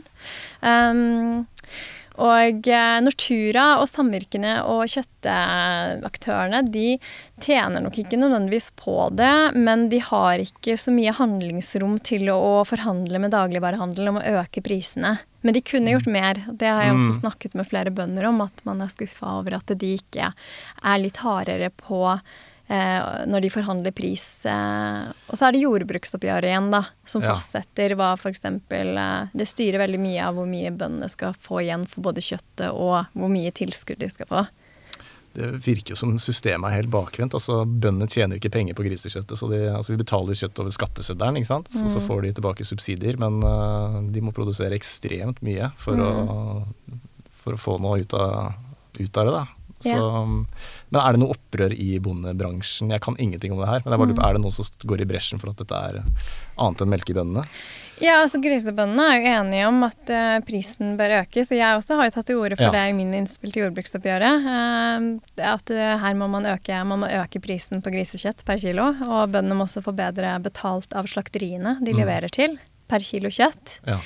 Um, men de er ikke så frampå som det vi så i altså Bondeopprøret var jo et slags samla opprør, men jeg syns nok Jeg vet jo i hvert fall at eh, det er en del grisebønder som er skuffa over Bondelaget. Uh, at Ja. de ikke prioriterer grisebøndene og kyllingbøndene i like stor grad som uh, melke- og, og sauebøndene. Og jeg tror det henger sammen med at uh, melke- og saueproduksjon, særlig melkeproduksjon, er en slags bærebjelke i både distriktspolitikken og i landbruket. Ja. Men det man glemmer da, er at eh, hvis du tenker på dyra, så utgjør jo beitedyra kun rundt 3% av de samla dyra i Norge, mens gris og fjørfe utgjør ca. 97 Ja. Og mm, så jeg tenker for dyras del, da, så er det viktig at man også fokuserer på de produksjonene der det er flest dyr, Mm. og per i dag mest lidelse. Mm.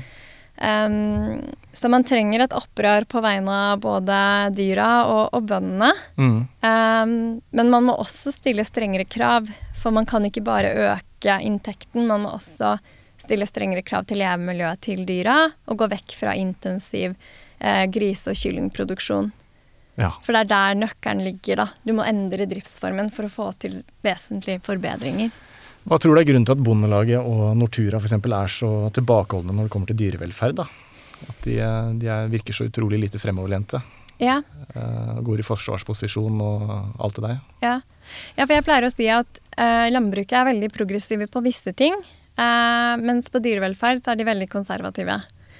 Og jeg tror det henger veldig mye sammen med denne stoltheten over og dette mantraet om at vi har dyrevelferd i verdenstoppen.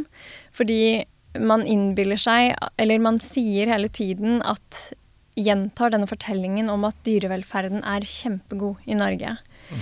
Så hvis de da plutselig skal begynne å snakke om at vi må bedre dyrevelferden eller jobbe for endringer, så innrømmer de på en måte indirekte Ja. at Jeg tror det har litt med den stoltheten deres å gjøre. At den kommer i veien. Og så er de nok redde for kostnads... em, mer kostnader for bøndene, for de er jo interesseorganisasjonene, kan du si, til bøndene. Bondelaget er det, ikke sant. Ja. Ja. Og Bondelaget har jo motsatt seg dyrevelferdsreformer i en årrekke. Hver eneste gang det kommer en dyrevelferdsreform, så er jo de imot, hvis det koster litt penger eller hvis det er en større endring.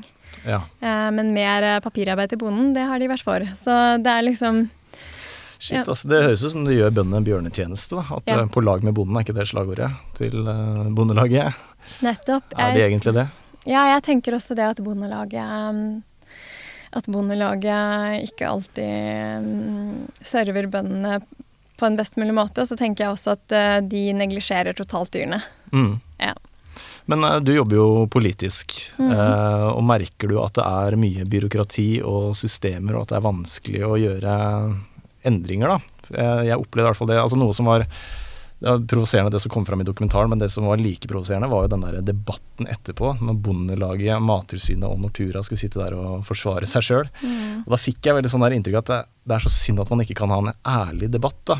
Fordi eh, det må jo naturligvis være sånn, men Bondelaget de må jo forsvare seg sjøl. Ja. Representanten for Nortura måtte forsvare seg sjøl. Hun har jo masse forventninger eh, til aksjeeiere sikkert og andre som hun må svare til. da. Så hun kan jo ikke sitte der og si helt ærlig det hun mener. Og når de da sitter og sier at eh, når jeg så den dokumentaren, så ble jeg sur på Norun, som ikke stoppet det tidligere. Og jeg ble sur på bonden. Da tenkte jeg sånn ah, Så vi samme dokumentar, eller eh, så må du kanskje bytte PR-byrå, for eh, det der eh, var ikke helt troverdig.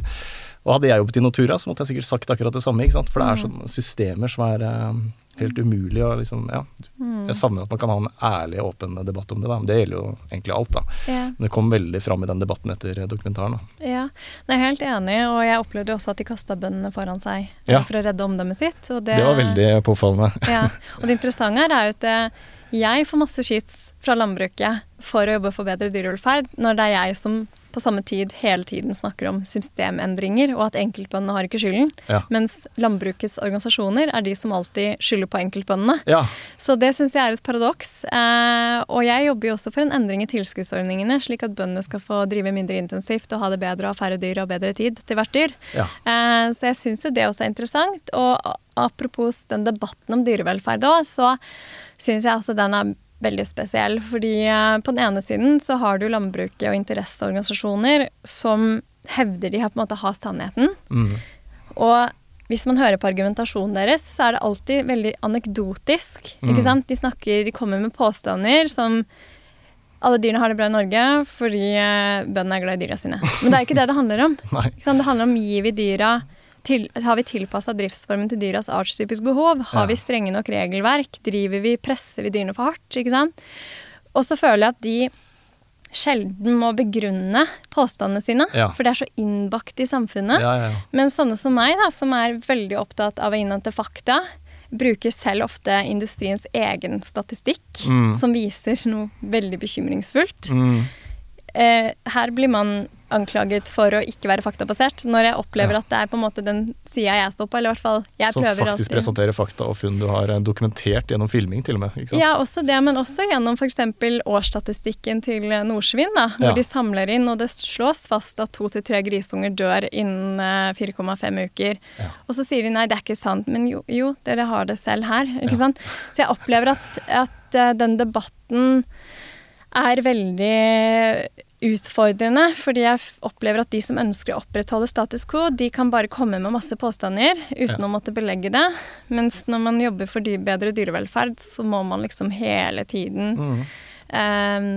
ja. Bevise og ja, og til og med da er det ikke nok. Og så er det denne påstanden om at de fleste driver godt. Hvor, hvordan kan man dokumentere det? Har man vært overalt? Har man sett hvordan hver eneste en driver? Eller kjenner man ikke til forskningen som foreligger om at eh, det stimulifattige miljøet Ja. til grisene påvirker dem negativt? Ja, men det var det. Fordi, som du sier, de kasta bøndene foran seg Mm. og skyldte på enkeltbønder. Og så snakka de hele tiden om regelverket. Det er ikke akseptabelt med brudd på regelverket. Men de adresserte jo ikke hovedproblemet, at reglene er jo helt totalt udugelige. Altså Minstekravene er jo de er så lave at eh, du kommer jo ikke lenger ned, på en måte. Eh, og den store, store elefanten i rommet, tror jeg, da. Uh, Nortura veit det, innerst inne. Bondelaget veit innerst inne. alle vi forbrukere veit det liksom innerst inne, så veit du at grisen har ingenting i en binge å gjøre. Sant? Den blir fratatt muligheten til å leve, leve ut sine artstypiske behov, som du sier. da. Den er lagd for å grave i jorda og være nysgjerrig. og Det er en gris som per definisjon er torturert, da. vil jeg påstå. Mishandlet og torturert. Når du fratar grisen muligheten til å øh, få utløp for øh, helt naturlige instinkter og artstypiske behov, så er jo det tortur. Og vi behandler jo ikke sauene sånn, og kuene ikke, så vidt jeg vet. Grisen er liksom de som har fått det. Ja, grisen og kyllingene. Så det er uh... Tortura, det er det det skal hete. Så absolutt. Så det er som du sier, at grisene har mange artstypiske behov de ikke får dekket. Eh, ikke sant? Dette med å rote i jorda, f.eks. eksempel, Det er det, et av de mest essensielle behovene de har. De har til og med en hard kant på, på trynet som er laga fra hva skal jeg si, biologiens side for at de skal kunne grave i jorda. Altså bruke den harde kanten til å grave opp jord. Ja.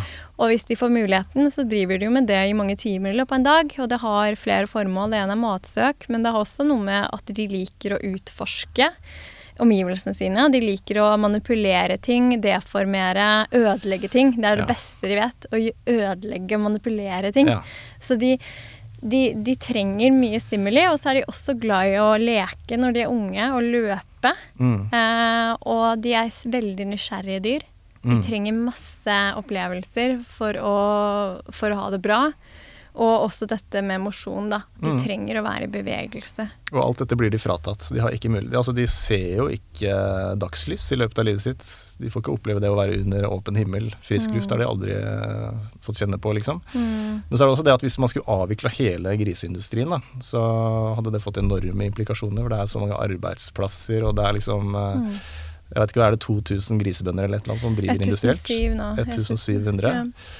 Um, så sier seg selv at det er vanskelig å bare over natta Ja. avvikle hele den og gjøre det ulovlig å drive produksjon på den måten. Men jeg tenker også at i sånn større Jeg er jo kjempenaiv sikkert, da.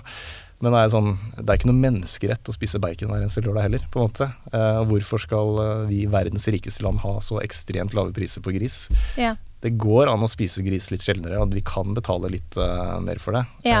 Um, Det er enig men det er mye politikk i veien, da. Så Mm. I mitt naive sinn så tenker jeg bare innen 2030 avvikle hele griseindustrien. Det er kun lovlig å drive frilansgris.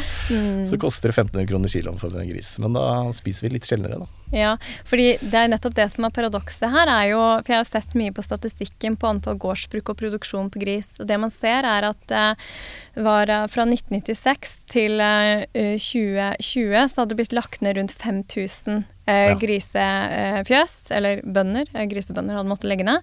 Og eh, samtidig økte produksjonen på rundt, med rundt 42 Mm. Så den der, det er ingen sammenheng mellom å øke produksjonen og Nei. flere grisegårder. Det er faktisk vist seg å ha motsatt effekt, fordi man har Det som har skjedd, er at man må drive så stort nå Mm. at de mindre skvises ut. Det er ikke lønnsomt lenger å drive.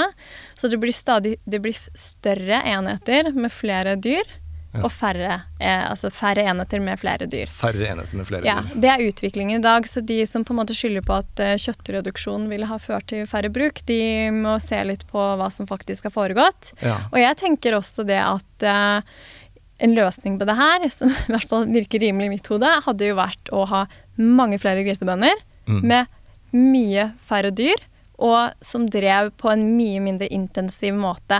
Ja. Eh, Da kunne man jo løst både det med arbeidsplasser, og dyra kunne fått det betydelig bedre. Ikke Ja. sant? Og det, som du sier, da, så tror jeg også at vi kommer ikke unna at vi må ta ned eh, produksjonen og spise mindre kjøtt. Men vi trenger ikke å kutte det ut i det hele tatt. Det syns jeg er viktig å Ja. få frem. Eh, men at vi betaler det det faktisk koster å drette opp en gris. Mm. Og at um, man må ta ned eh, konsesjonsgrensa. Konsesjonsgrensa handler om antall dyr du kan ha per på en gang, eller slakte i løpet av et år. Ja. Og på gris har den blitt økt. Så den bør tas ned. Og så må, må man eh, ha mye strengere regelverkskrav. Eh, som du sier, det er jo noen få bønder som driver med utegris. Men det er bare 1% av gris i Norge som Mm. får være ute i dag, da. Så det er 1 en lang vei å gå for å få omstilt eh, griseproduksjon til utedrift. Nå er jo Senterpartiet i regjering, og de er jo tradisjonelt for uh, ikke for uh, sentralisering. Så skulle Mm. tro at de støttet Men de er også veldig dårlige på dyrevelferd, har jeg skjønt. Ja. Uh, Har du noen tanker om, eh, om det kommer til å bli noen endringer til det bedre eller verre nå med ny regjering? Jeg gjorde en analyse av alle partiene i forbindelse med valget, Mm. og Senterpartiet kommer dårligst ut. Ja. Uh, dessverre. De også motarbeider De er en slags forlengelse av Bondelaget, opplever jeg. egentlig. Ok, ja. At de, gjør stort sett, de er stort sett enige med Bondelaget. Um, de er veldig opptatt av næringsinteresser og opprettholde ting. Um, de har vært med på å effektivisere landbruket, selv Ja. om de liker å snakke imot. For denne endringen vi har sett i landbruket, har jo ikke skjedd de siste årene. Den har skjedd over lang tid. Ikke sant? Og jeg opplever jo også at de sjelden snakker grisebøndene og kyllingbøndenes sak, eller Mm. reagerer på um, den driften vi har i dag. Og alle disse nedlagte grisebrukene f.eks. har ikke hørt så mye fokus på det. Nei. Man snakker veldig mye om nedleggelse av melkebruk, men Ja. man snakker veldig lite om nedleggelse av de andre Da er det tyst produksjonene. Ja. Og Senterpartiet har en historikk med at de aktivt motarbeider eller stemmer mot eller fremmer dyrefiendtlig politikk. Ja. De er ofte de som De f.eks. var det eneste partiet som eh, stemte mot å forby kirurgisk kastrering eh, uten bedøvelse, Ja. til og med. Og det mente også Bondelaget. De ville heller ikke Ja. ha det kravet om bedøvelse. Uh, de vil heller ikke forby kirurgisk kastrering i det hele tatt. Og det samme ser du på mange andre tiltak i landbruket. De stemmer konsekvent imot alle forslag til bedre dyrevelferd på Stortinget. Hvis man går gjennom historikken og voteringene på Ja. Stortinget. Og de er veldig opptatt av å skjønnmale. Ikke sant? Ja. At vi har verdens beste dyrevelferd, vi har ingen problemer her. Mm. Det, der det er problemer, handler det om lovbrudd. De snakker ikke om minimumskravene, så jeg er dessverre ikke veldig optimistisk. Men så har vi jo SV, som er en viktig budsjettpartner. Mm. Statsbudsjettet ble jo lagt frem i dag. ja, så jeg. Mm. Så nå skal jo SV i budsjettforhandlinger, og SV har jeg samarbeida mye med. Eh, eh, og de har løftet seg betydelig på dyrevelferd og har et veldig sterkt partiprogram. Så jeg har store forhåpninger og forventninger til at SV i disse forhandlingene med regjeringen vil prioritere dyrene. Ja. Men spørsmålet blir jo om eh, både Senterpartiet og Arbeiderpartiet vil gå med på eh, dyrevelferdsreformer eller eh, endringer i tilskuddsordningene f.eks. Det blir spennende. Så Senterpartiet funker som en nyttig idiot for Bondelaget, eller, eller kanskje motsatt. Men det var i hvert fall de som skårte dårligst i din analyse av uh, hvilke partier som eller partiprogrammenes dyrevelferd. Da. Ja, og da gikk jeg gjennom alt fra alternative statsbudsjett til historikk på Stortinget, til um, behandlingen i næringskomiteen, til eh, partiprogram. Alt Mm. mulig. Mm. Det er litt kontraintuitivt, egentlig, for man tenker på Senterpartiet som en sånn der eh, antisentraliseringsparti som eh, setter dyrene først, men det er ikke tilfellet. Nei, det er ikke tilfellet. Det er næringsinteresser som settes først Mm. hos Senterpartiet, ikke dyrene. Og så så jeg i dag at det ble bevilga ti millioner, tror jeg, hvis jeg ikke tar feil, til Mm. eh, Mattilsynet for å bedre, eh, bedre dyrevelferden. Eller, for det har vært en sak i media nå nylig om Mattilsynet at det hatt for lite ressurser da, til å kunne utføre tilsyn og utføre det mandatet de er satt til å gjøre. Mm. Ja, de siste 80 år, nei, åtte årene så har det blitt eh, lagt ned 80, eller mm, fjernet av 80 veterinærstillinger eh, med dyrevelferd i Mattilsynet. Så jeg også har vært veldig opptatt av å løfte frem behovet for å bevilge midler til Mattilsynet, og at det skal øremerkes til dyrevelferd. Eh, og Veterinærforeningen og tillitsvalgte i Mattilsynet har sagt at de trenger i hvert fall 20 nye veterinærstillinger som jobber med dyrevelferd. Så de, og at man trenger rundt 100 millioner. Så de Ja. 10 millionene som er lagt på bordet i dag, det er dessverre ikke nok. Det Men det er selvfølgelig en start. men det må mer, eh, mer til, for Mattilsynet får stadig flere oppgaver, men ikke mer ressurser. Og da Ja. spises det av de ulike postene. Ja, for de har, mener også at Mattilsynet har eh, sviktet de siste årene eh, og ikke utført sitt mandat som de, som de burde gjort, med tanke på at de ikke har utført de tilsynene. Hadde det hjulpet, da? Eh, når det er regelverket som er problemet her, kanskje? Ikke- Skjønner du hvor jeg vil? At Ja. eh, hjelper det om Mattilsynet får noen millioner til i midler? Hvis, regler, hvis det er regelverket som er problemet, da. Ja, nei, jeg er helt enig i den. eh, Fordi absolutt, eh, det er jo minimumskravene som du sier, som de fleste driver etter fordi de ikke har råd til noe annet, som er problemet. Um, men jeg tenker når det gjelder å slå ned på lovbrudd og liksom veldig brudd, det er jo viktig det også. Både heve minimumskravene, men også selvfølgelig sørge for at det etterleves. Men jeg har jobba med Ma- Mattilsynet-problematikken siden 2014. Jeg har fulgt veldig nøye med. Um, og eh, det jeg ser der, er jo at virkemiddelbruken er også for svak. Eh, og det har jo også Riksrevisjonen påpekt i 2009 i sin rapport om myndighetenes håndtering av eh, dyrevelferdskriminalitet i landbruket. og eh, altså Reaksjoner til Mattilsynet står ikke i samsvar med alvorligheten i lovbruddet. Nei. Slik at uh, du får ikke så mye konsekvenser, da, for å si det på en enkel måte, av å bryte reglene for dyrevelferd i landbruket. Um, og det har jo også flere internrevisjoner i Mattilsynet påpekt siden 2011. Men det blir ikke bedre. Eh, de har ikke begynt å reagere strengere. Nei. Og eh, det tar også gjennomsnitt syv år før de avvikler kronisk dårlig dyrehold med alvorlig vanskjøtsel over tid. Så, og så har også Mattilsynet vært utsatt for veldig mye press fra næringa, eh, spesielt siden 2019. Og også etter den eh, tilsynskampanjen på slaktegris som de utførte i 2017 og 2018, der de avdekka lovbrudd på flesteparten av gårdene. Ja. Eh, det likte jo ikke svinenæringa, fordi det ble mye medieoppslag. Så jeg har jo dokumenter som viser sterke reaksjoner fra industrien. Og jeg vet også at, um, at uh, Mattilsynet har vært eh, Ja, de står i en skvis, de vil ikke snakke om det, men de utsettes for mye press fra næringsinteresser. Og det ser man også i den nye nasjonale tilsynskampanjen på gris, der næringa har vært varsla i to år, og så kaller man det uvarsla tilsyn nå. Ja. Men alle bøndene fikk et brev hvor det sto hvordan de kan forberede seg. Det var jo. Dagsavisen lagde en sak om det også. Um, Og det eh, brevet kom fra Mattilsynet selv? ja. Ja. Og der de ble godt, eh, gjort godt kjent med hva Mattilsynet skulle kontrollere. Og så har jeg også sett gjennom alle innspillene til kjøttbransjen til denne tilsynskampanjen, fordi Mattilsynet lot eh, dem komme med innspill til gjennomføring og utforming. Og man ser jo at de har vært uenige med Mattilsynet i flere av kontrollpunktene, og, og jeg ser jo ettertid at Mattilsynet har justert det, selv om de aldri vil innrømme det, så har de justert noen av um, i tilsynsveilederen sin til inspektørene. Og så er det også verdt å nevne at inspektørene som nå drar på tilsyn hos grisebøndene, de måtte også gå på kurs hos uh, Norsvin, som er interesseorganisasjonen til griseindustrien. Dette har jeg dokumentasjon på. Ja. Og du mener eh, at man bør dele opp Mattilsynet i to, ikke sant? Opprette eget, eget dyrevelferdsorgan, da. Ja. Eh, er, det, er du alene om det, eller er det, er det på vei til å bli en realitet? Um, politisk så er det ikke flertall for det. Okay. Så jeg tenker at eh, der handler det jo om å øke ressursene og også sørge for at Mattilsynet får en opptrappende virkemiddelbruk, og drar også på flere reelle uvarsla tilsyn. Um, men MDG, eh, Rødt, eh, SV og muligens Venstre kan være med på å hvert fall opprette et dyrevelferdstilsyn. Eh, Rødt og MDG har programfesta at de vil ha et dyrevelferdstilsyn og flytte det til Klima- og miljødepartementet. SV har sagt at de vil ha et dyrevelferdstilsyn, men de har ikke sagt hvilket departement det skal ligge under. Og Venstre har ikke programfestet det.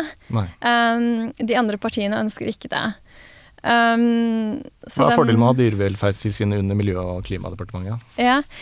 Eh, det baserer seg jo på at eh, Landbruksdepartementet har jo flere eh, formål, og det er bl.a. å ivareta næringsinteresser og, og matproduksjon, ikke sant. Og Klima- og miljødepartementet er mer nøytrale og uavhengige og kan ta flere hensyn når de eh, skal vi se, ut, utformer politikken sin eller eh, ja, bestiller noe, da. Eh, og jeg ser det slik etter flere år at uh, når vi avdekka, det har blitt avdekka så mange systemfeil i Mattilsynet, at jeg tror at det beste da er å starte på en ny retning.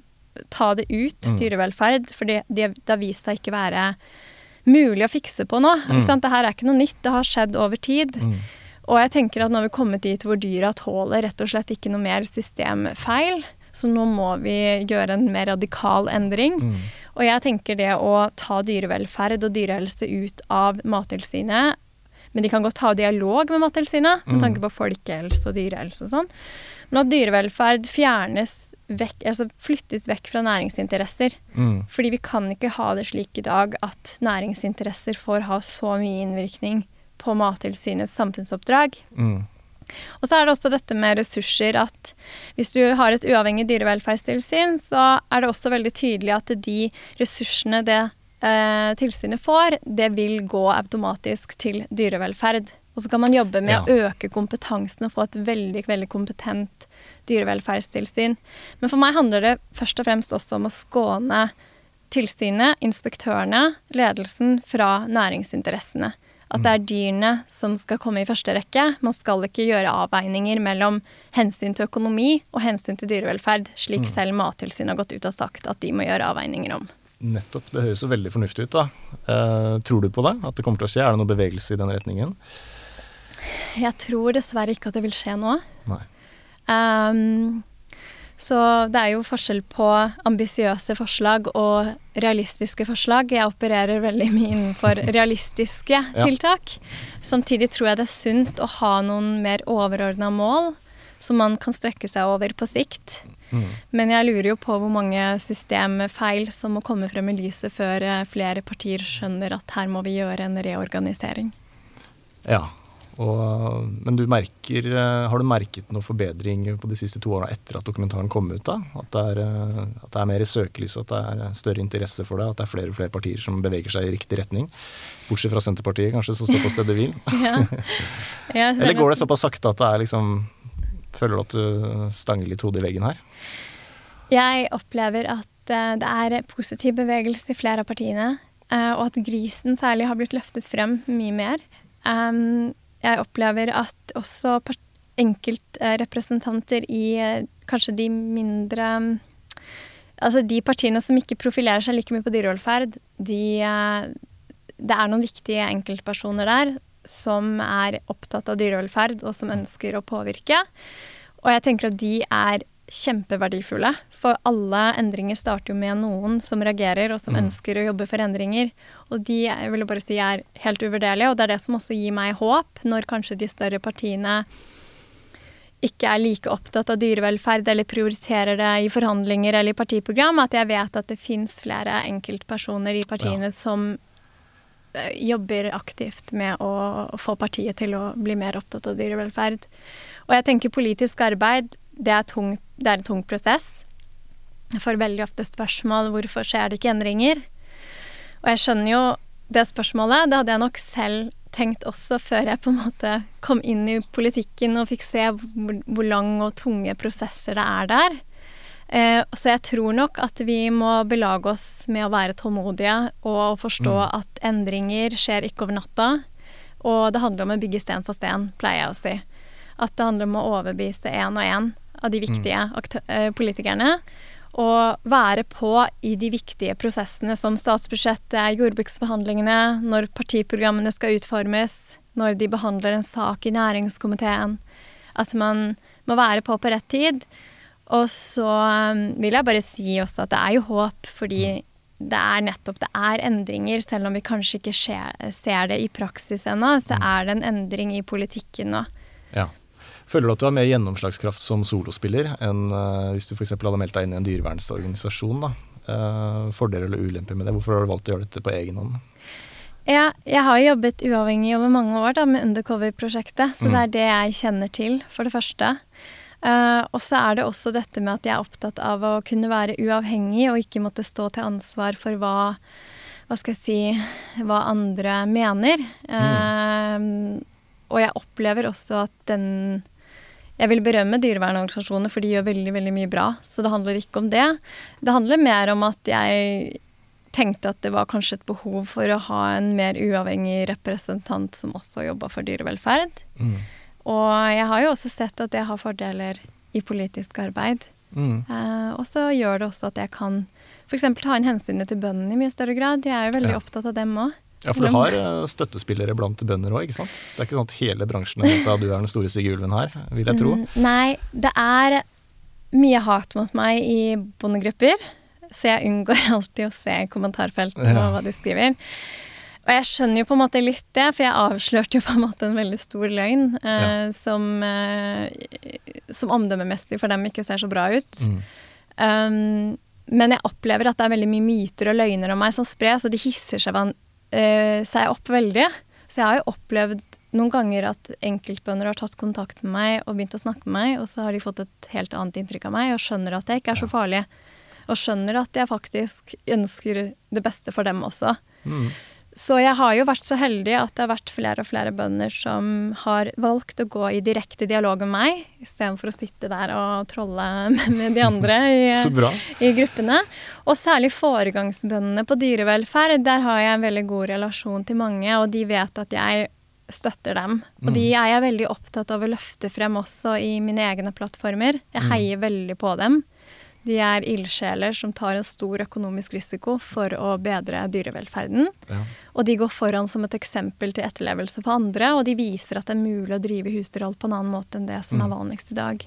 Så de heier jeg veldig på. Ja, så bra. Og jeg føler at Det nevnte jeg i stad òg, men det er det inntrykket man sitter igjen med etter dokumentaren. At det er liksom, Inntrykket er nesten sånn stakkars bøndene også, da. Som eh, jobber ræva av seg. De tjener jo altfor dårlig. Og de er bare Det er ikke onde mennesker, liksom, men de er fanga inn i et dysfunksjonelt eh, system da, som er eh, helt ute å kjøre. Uh, Ja. Åpenbart, liksom. Så mm, ja. Men det er bra at uh, du står i bresjen for det her. da.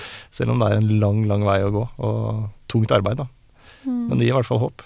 Velkommen til Kjemperådet! Ohoi! Vi har fått inn et kjempekleint problem fra Trine Lure 22. Okay. Jeg leser. De to andre i kollektivet mitt har begynt å date, og jeg syns det er veldig kleint når vi skal se på TV sammen, og de bare skal kline. Ok, ja, Hvordan skal hun løse dette? Siden Trine Lure er under 30, får hun jo ubegrenset data fra Telenor fra 399 kroner. Da Da kan hun sette seg på sitt eget rom, streame så mye hun vil på mobilen. Ja, hun kan jo se på nye mobilabonnement på telenor.no. Ja, det er lurt. Kiwi er billigst i VGs matbørs og har vært billigst i fire av de fem siste VGs matbørser. Og nå presser vi prisen på påskevarer fram til 1. april. På 522 gram Toro pannekakemiks presser vi prisen fra 42,90 helt ned til 34,90. På 410 gram Lerum bringebærsyltetøy presser vi prisen fra 32,90 helt ned til 22,90. For det er vi som er prispresserne. Og vi i Kiwi gir oss aldri på pris. Men jeg synes Dette med næringsinteresser, som vi snakka litt om i stad, syns jeg er interessant. For det, det ikke alle vet, er jo at Matprat, for eksempel, det er jo eid da av Nortura, ikke sant. Det er en PR-messig genistrekk. Matprat er jo en fantastisk side. Men det ble jo ikke lagd av idealister som ville inspirere folk til å lage mat. Det er jo en uh, interesse bak her om å få folk til å spise mer kjøtt, åpenbart. Eh, Anamalia, også eid av Nortura. Og det er Anamalia som har kommet med dette dyrevelferdsprogrammet. Da lyser det noen røde lamper hos meg. Nortura eier Anamalia, og det er de som kommer med det dyrevelferdsprogrammet. Eh, det Burde ikke det kommet fra en ekstern? Jo. Absolutt. Animalia fremmer seg ofte som en fagorganisasjon, ikke sant? Som de fremstiller seg som uavhengige, men eh, de finansieres bl.a. gjennom eh, kjøttproduksjon.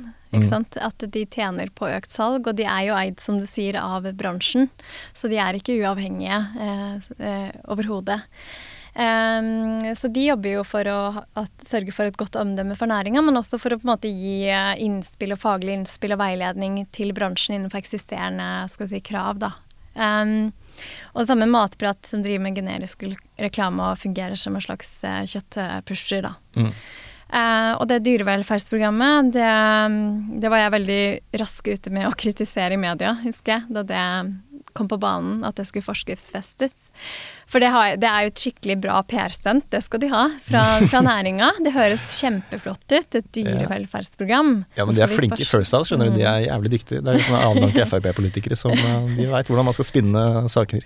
Mm, så um, greia med dyrevelferdsprogrammet er som du sier, det er ikke uavhengig, det er laget av kjøttbransjen. Eh, og ja, slik jeg ser det, så er det bare pynt på papiret. Eh, det ble det ble, de begynte med det etter griseskandalen, hvis man kan kalle det det, i, eh, etter tilsynskampanjen til Mattilsynet i Rogaland i 2017-2018, for å rydde opp. Det var deres reaksjon.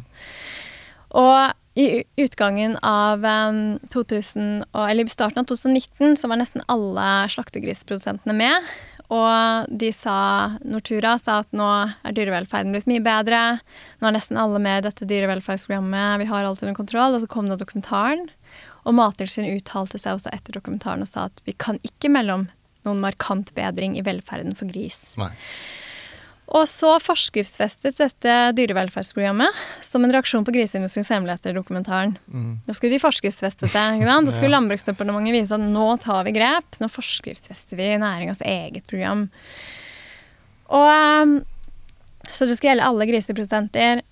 Og hvis man dykker inn i det programmet, så ser man jo med en gang at det er en bløff. For jeg, det er det det er. Og det det går ut på, kort sagt, det er at eh, bøndene får mer papirarbeid Ja. Og mindre tid til dyra. Eh, de skal dokumentere mye mer. Eh, dokumentere syke og skadde dyr. De skal skrive ned liksom ja, grisen fikk eh, beinlidelse, jeg flyttet den i en sykebinge, eller sånne ting. Og det er egentlig ting de allerede gjør mye av også fra før av. Jeg husker selv da jeg jobba på grisegårdene. Vi dokumenterte jo f.eks. medisinbruk og dødelighet, og registrerte det, og det var det krav om før òg. Så og man kan jo heller ikke dokumentere f.eks. voldsbruk, er andre ting. For det var jo en reaksjon på dokumentaren, så det jeg stilte spørsmål om tidligere er hvor ble da fokuset på voldsbruken Ja. og driftsmåten? Ja. For den løser ikke programmet. Den bare dokumenterer at bøndene må dokumentere mye mer på papir. Det andre er at de må ha veterinærbesøk. Avhengig av besetningsstørrelse én til tre ganger i året. Problemet der igjen er jo at alle smågrisprodusentene de har allerede veterinæren innom kanskje opptil sju, åtte, ni ganger i løpet av året i forbindelse med kastrering. Og alle de bøndene jeg jobbet, med, jobbet hos, eh, de hadde allerede veterinærbesøk syv til åtte til ni ganger i løpet av året. Men du ser, det er jo fortsatt, Ja. fortsatt avdekket jeg det jeg gjorde. Og, um, og veterinærbesøkene, det er heller ingen uavhengig veterinær. Det er en eh, besetningsveterinær som bonden betaler. Mm. De avtaler et planlagt besøk. Så står det også at denne tilsynsrunden til veterinæren kan kombineres med andre oppgaver. Mm. Så det, også tida man bruker Ja. på velferdsgjennomgang kan jo også diskuteres. Og det er bonden som må betale for det. Så, og, så det også syns jeg er veldig spesielt at det fremmes som et veldig bra tiltak når veldig mange bønder allerede har veterinærbesøk. Um, og, og igjen eh, Det jeg og Frank avdekket, det skjer jo uansett, ikke sant. Eh, når det ikke er noen andre til stede. Så igjen, hvordan skal man forvente at veterinærene oppdager Ja. det vi oppdaga? De er jo ikke der i den daglige driften. Og så det siste er at slakteriene skal kunne nekte bønder å levere dyr. Mm. Og det fremstiller man som at det er sånn øyeblikkelig.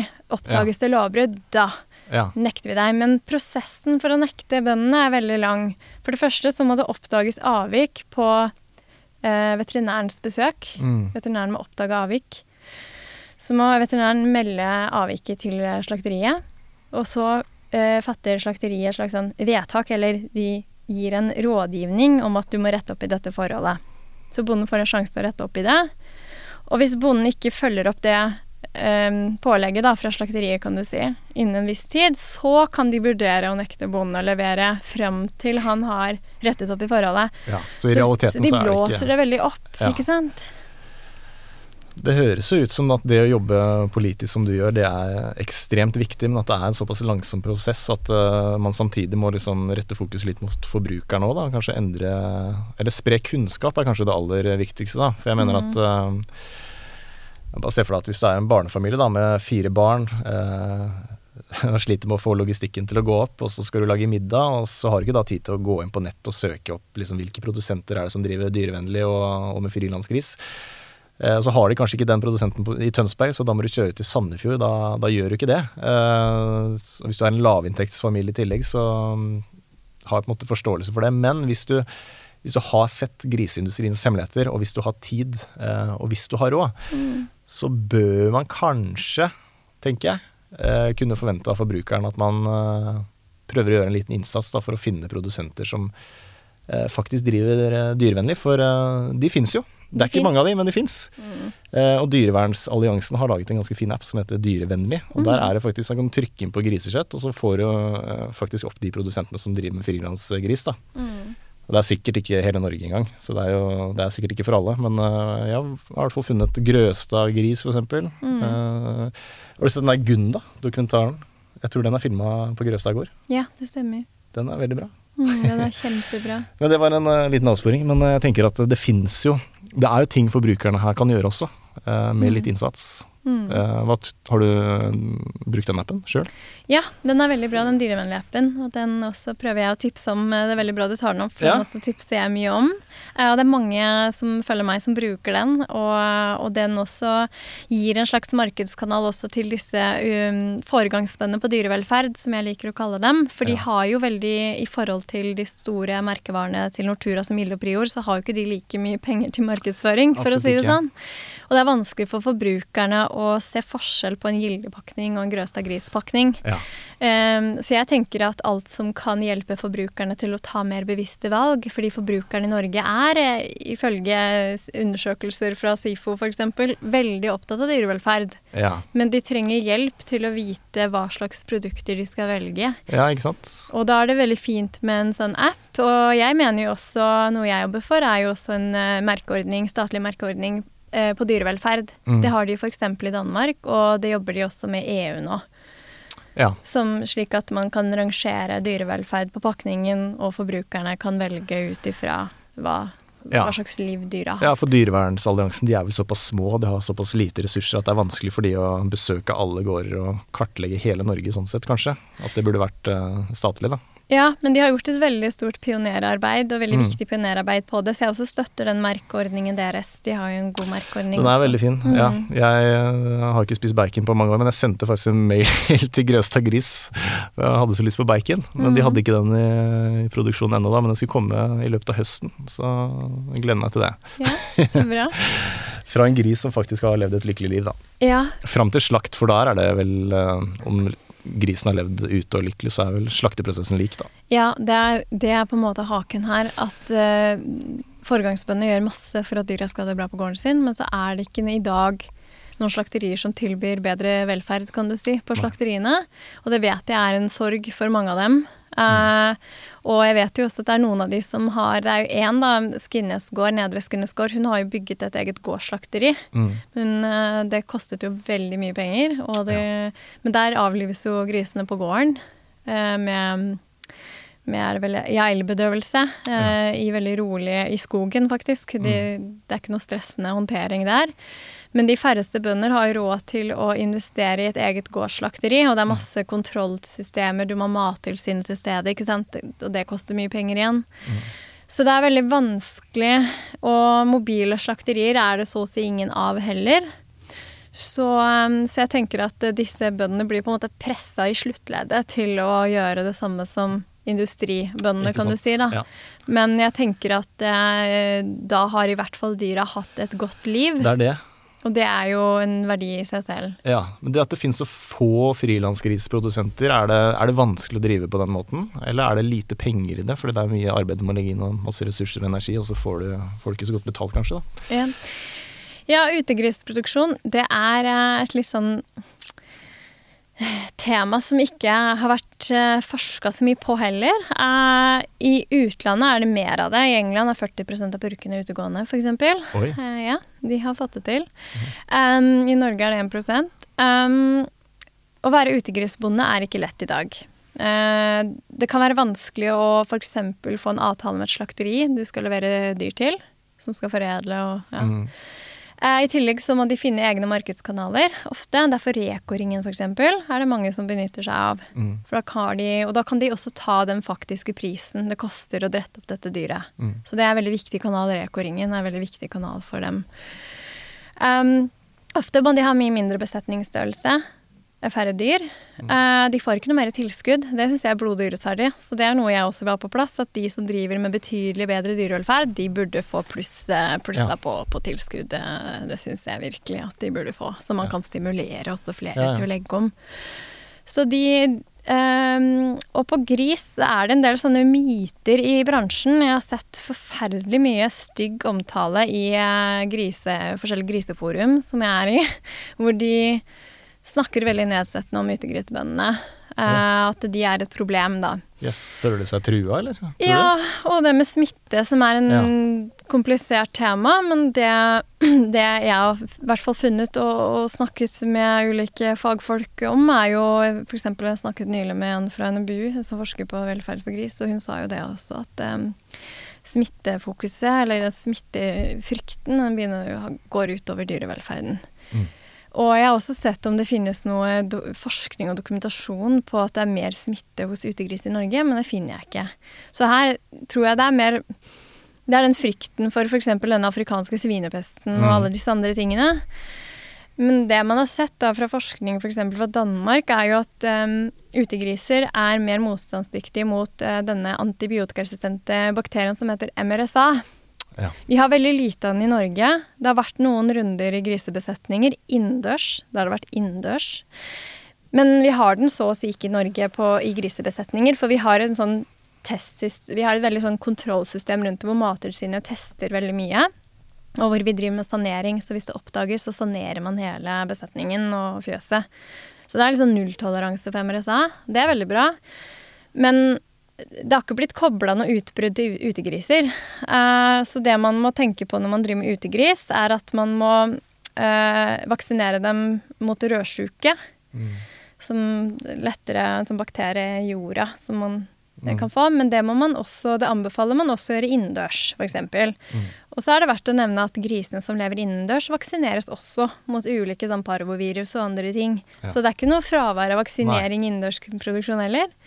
Og så når det gjelder villsvin, det er også et argument da, at man er redde for villsvin. Da er det å bruke f.eks. doble strømgjerder kan være tiltak mot villsvin. Og det å ha mer kontrollerte uteområder. Det fins jo vanvittig mye variasjon i utegrisproduksjon. Du har de som har friland med hytter sant, som går ute hele året. Og så har du bønder som har eh, skogsgris, og så har du fjellgris, og så har du um, utegriser som lever på gress på, med en innhegning.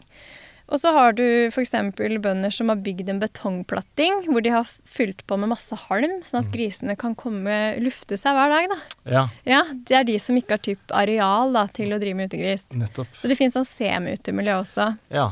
Men også, bare det må jo være en forbedring, da. Ja. For der tenker jeg det er jo faktisk realistisk å, å utbedre fjøsene på den måten. Da. For mange vil jeg tro. Ja.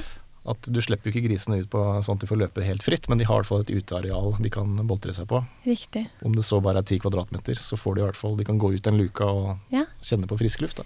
Ja, absolutt. Og det er jo det, er det som er så synd, at det finnes så mange kreative bønder som har testa ut ulike ting. Når blir de hørt? Ja, og de Så får jeg- ikke noe ekstra subsidier for å Mm. fremme dyrevelferd på den måten i det hele tatt. Ikke i det hele tatt. Heller ikke så mye investeringsstøtte. Så Nei. det også må man få på plass, at faktisk investeringsstøtta i landbruket går også til bønder som vil oppgradere dyrevelferden. Da. Ja. Og så, så utegris kan man absolutt drive med, og det er jo flere velferdsfordeler. F.eks. er det mindre produksjonslidelser når man snakker om liksom sykdom. Man snakker ofte bare om de der smittefarlige afrikanske Mm. Ja, ja. svinepesten vi ikke har i Norge engang.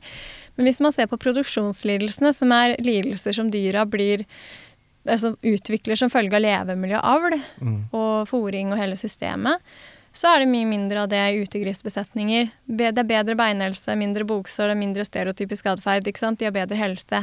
Ja. Så, og, og velferd, ikke minst. Så det er jo mange fordeler. Og så har det også vist seg at for mange bønder som nå må oppgradere grisefjøsene sine For Nordsvin sier at rundt 70% av dem henger etter, altså må oppgradere for å tilfredsstille behov for areal og strø. Så har man sett at det kan være mer lønnsomt for bøndene istedenfor å oppgradere eller bygge nytt, så kan de heller legge om til utedrift. Å, Og det er det f.eks. en bonde jeg har snakket litt med nå, som har gjort 100 innegrisproduksjon før. Måtte Ja. oppgradere fjøset, valgte å satse på utegris. Ja. Og det var billigere å legge om til utedrift enn å oppgradere fjeset sitt. Men de må allikevel finansiere store deler av den omlegginga sjøl. Ja. Er det, noe, det er helt sinnssykt at det ikke finnes noen støtteordninger for folk som prøver å gjøre ting bedre. Da. Jeg er helt enig. Eh, hvor skulle det kommet fra eventuelt? Det er jo politisk arbeid igjen, da, men eh, Ja. burde jo vært bevilga gjennom statsbudsjettet. Da. Ja, vi bruker ca. 7-8 millioner eh, på investeringsstøtte utover jordbruksavtalen til, eh, til eh, ja, investeringer i landbruket. Veldig mye av det går til omlegging til løsdriftsfjøs. Det er jo bra, det. Men man bør også øremerke den investeringsstøtten, en del av den, til dyrevelferdstiltak, slik at bønder som faktisk ønsker å f.eks. legge om til utedrift eller bygge disse lufteverandaene som jeg snakket om, får støtte til det. Ja. ja, så er det én ting pandemien her har lært oss, så er det jo at eh, det er mulig med raske politiske endringer hvis det fins vilje bak. da. Vi har et oljefond på 12 000 milliarder, og jeg er sikkert supernaiv, men jeg tenker bare at dette er et sånn presserende problem. da. Det er en dyrevelferdskrise, i hvert fall når det kommer til industrigris. Og Ja. vi har råd til å vi har muligheten til å ta oss råd til å fikse opp i det problemet, da. Men det står på viljen, antageligvis. Vi har det, og det går liksom det går rundt 15 milliarder kroner til jordbruket hvert år, og ikke Ja. ett eneste øre er øremerka dyrevelferd. Det, Det er og det er jo dyra som er hovedperson i landbruket. Ja, Det er jo dyra som påvirkes mest ja. av landbrukspolitikk og regelverk og forbrukervaner. Ja. Hvorfor skal ikke de også få litt hva skal jeg si, penger de òg, da, kan du si, som går til tiltak for dem. Fordi det er mat, og da er det plutselig ikke individer lenger, da. Mm. Kan vi ta for oss eh, Nå har vi snakka mye om gris, men det er litt interessant med storfe og holdt jeg på å si fjærkre. Mm. Høns. Eh, hvordan er ståa der? Ja, eh, jeg pleier å skille mellom fjørfe- og griseproduksjon, for det er intensive husdyrhold. Og så Mm. har du storfe- og småfeproduksjon, som ikke er intensive husdyrhold. Og dyrevelferden er bedre for drøvtyggerne våre enn for de andre dyra. Ja. Eh, for de har ikke måttet effektivisere like mye, og avlen har heller ikke gått så galt som det har gått på de andre. Selv om avdråttet, altså melkeproduksjonen per ku har økt, og det kan være problematisk, men, men det har ikke kommet dit f.eks. som vi ligger på, på de andre dyra. Eh, utfordringer i storfeproduksjonen er dette med båsfjøs. For fortsatt står det 40% av kyrne i Norge på bås store deler av livet. Og det, så der må jo flere bønder nå legge om til løsdriftsfjøs. Vi har jo et krav om det innen 2034. Ja. De har fått 30 år på seg da til å legge om. Hvordan ser den brøken ut i dag? Hvor mange driver med løs Uh, Ca. 40% av fjøsene er løsdriftsfjøs, uh, og 60% er båsfjøs. Men så er det 40% av kyrne som er i båsfjøs, for du har flere kyr ofte hos eh, løsdriftsfjøsene. Ok. Ja. Eh, og det er en av utfordringene. Eh, for i båsfjøs er dyra fratatt enhver mulighet til naturlig atferd. De kan ikke engang snu seg. De kan ikke Mm. engang drive med selvpleie. Ikke sant? De er fratatt all eh, Ja. frihet. Året rundt, eller? Unntak når de er på beite. Og det er kun om sommeren et par måneder. Ja. Ja. Eh, så det er et problem. Og så har du dette med separasjon av ku og kalv som foregår i melkeproduksjonen. Det har jeg selv vært med på, og det var nok det mest hjerteskjærende, egentlig. Eh, som jeg måtte være med på. Og det er det at man tar kalving fra kua kort tid etter fødsel. Det er helt vanlig standard eh, i norsk melkeproduksjon, og i utlandet for øvrig. Og der er det også faktisk mulig å slutte med det. Eh, Jeg har vært i kontakt også med flere bønder som har valgt å ikke separere ku og kalv, men som heller lar kalven gå med kua fram til kalven skal på grovfôr. Så er jo det også kjipt å bli separert da, men totalt er det bedre for kalven og kua. Og så kan man gjøre avvenningen gradvis, slik at det ikke blir like brutalt. Mm. Um, for det er jo beviselig dokumentert gjennom flere forskningsprosjekter både på Veterinærinstituttet og NMBU at um, ku og kalv har et veldig sterkt emosjonelt bånd fra første stund. Mm. Og det, diing, morsomsorg eh, og samvær er atferder som disse dyra er veldig høyt motivert for. De, de vil utføre denne atferden, det er viktig for dem. Og man har også slått fast at um, kontakten mellom ku og kalv strekker seg langt utover ernæring. For man gjorde et forsøk der man fjernet kalvens mulighet til å die, men de tilbrakte like mye tid sammen, og kua stelte like mye med kalven, og kalven søkte like mye kontakt hos kua. Så man har liksom konkludert med at eh, det, det handler ikke bare om ernæring for kalven og kua, det handler om Ja. mye mer. Et grunnleggende behov, da. Så når du tar en kalv fra kua, så er det veldig stor påkjenning for begge parter. Eh, og i Norge i dag så er det lov å sette kalver i såkalte kalvebokser i opptil åtte uker alene.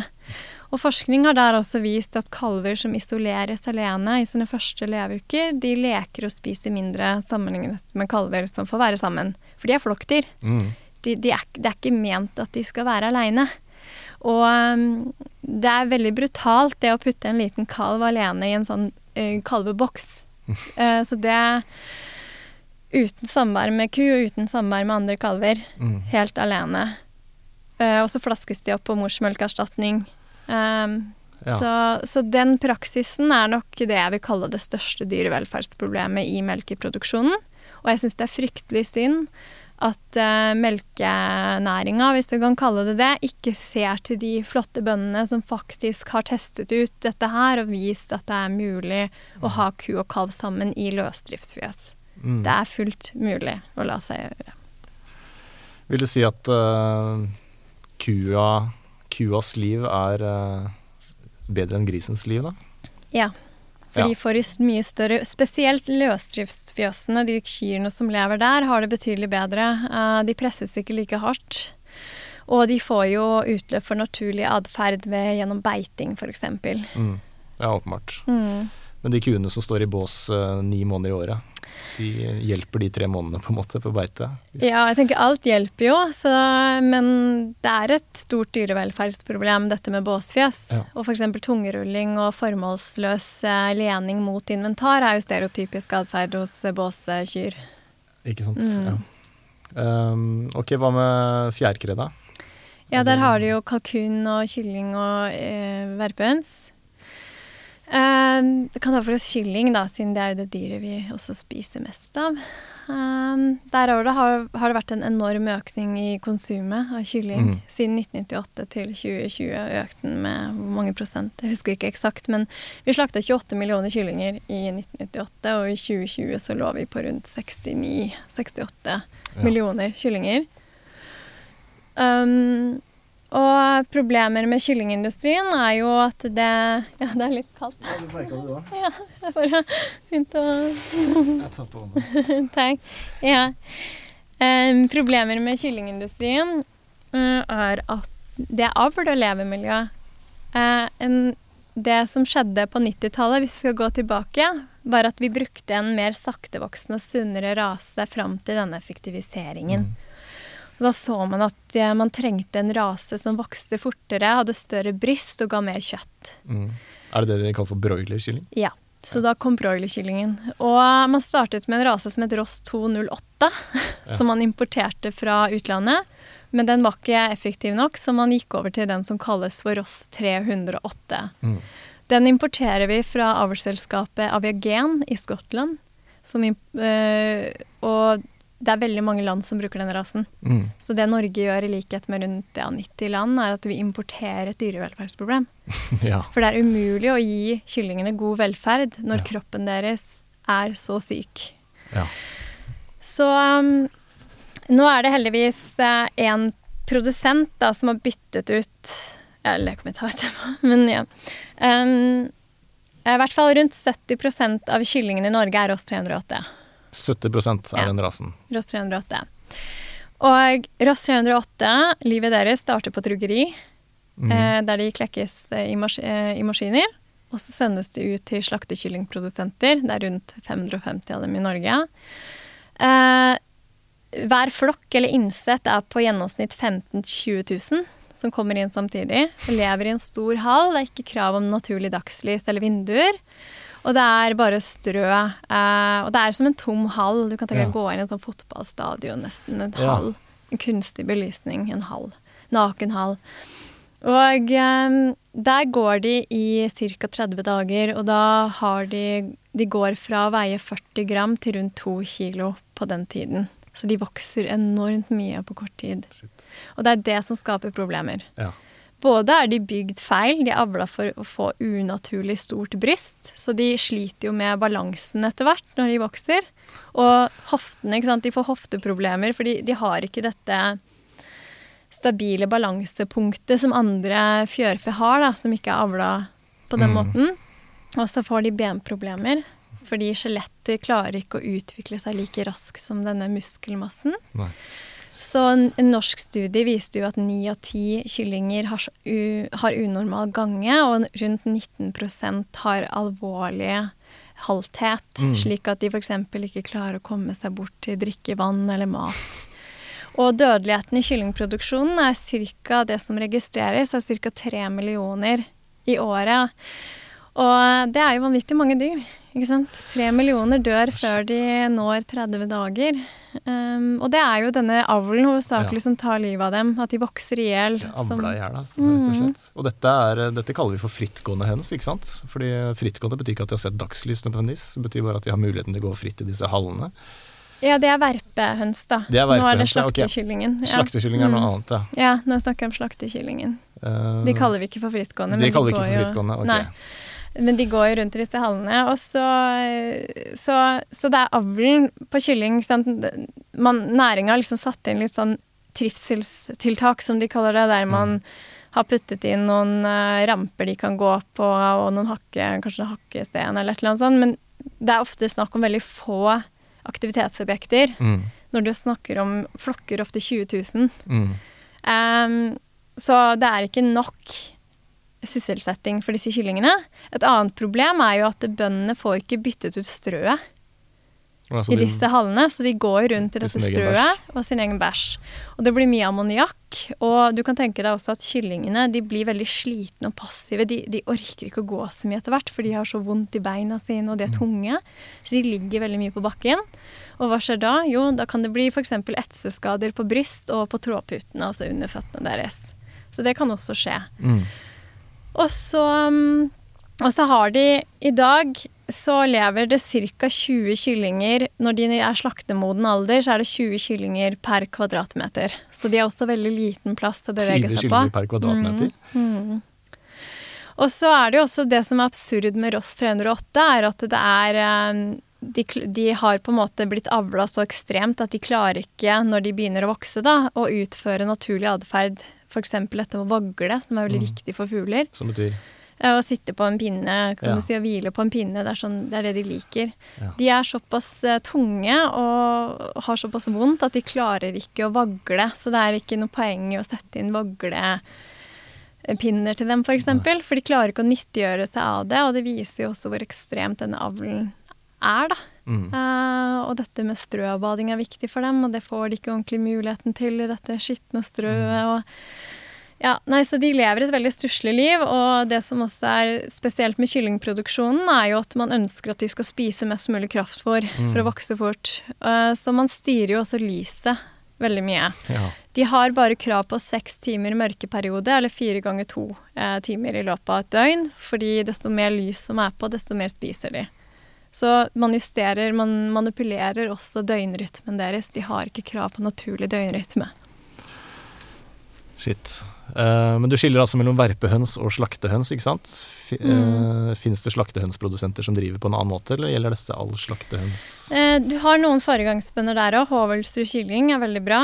De er Ja. også dyrevernmerka. Um, Den tror jeg har sett på Meny, og den får i butikken, ikke sant? ja. Ja. Hun bruker en mye mer saktevoksende rase. De lever lenger, og de får tilgang på utearealet. Beite. For Ja. kylling liker faktisk å beite. Ja, de gjør det. Ja. Eh, de beiter, de òg. Hakker gress og ja. Og så har de vinterhage, slik at de også får tilgang på naturlig dagslys og mer plass når det ikke er mulig at de kan være ute på gress. Og så har de mye større plass innendørs, og de har masse miljøberikelse, og flokkene er også mye mindre. Ja. For det man må huske på med kylling, er at det husker jeg lærte i avlivingskurset til eh, da jeg skulle jobbe på kyllingslakteri.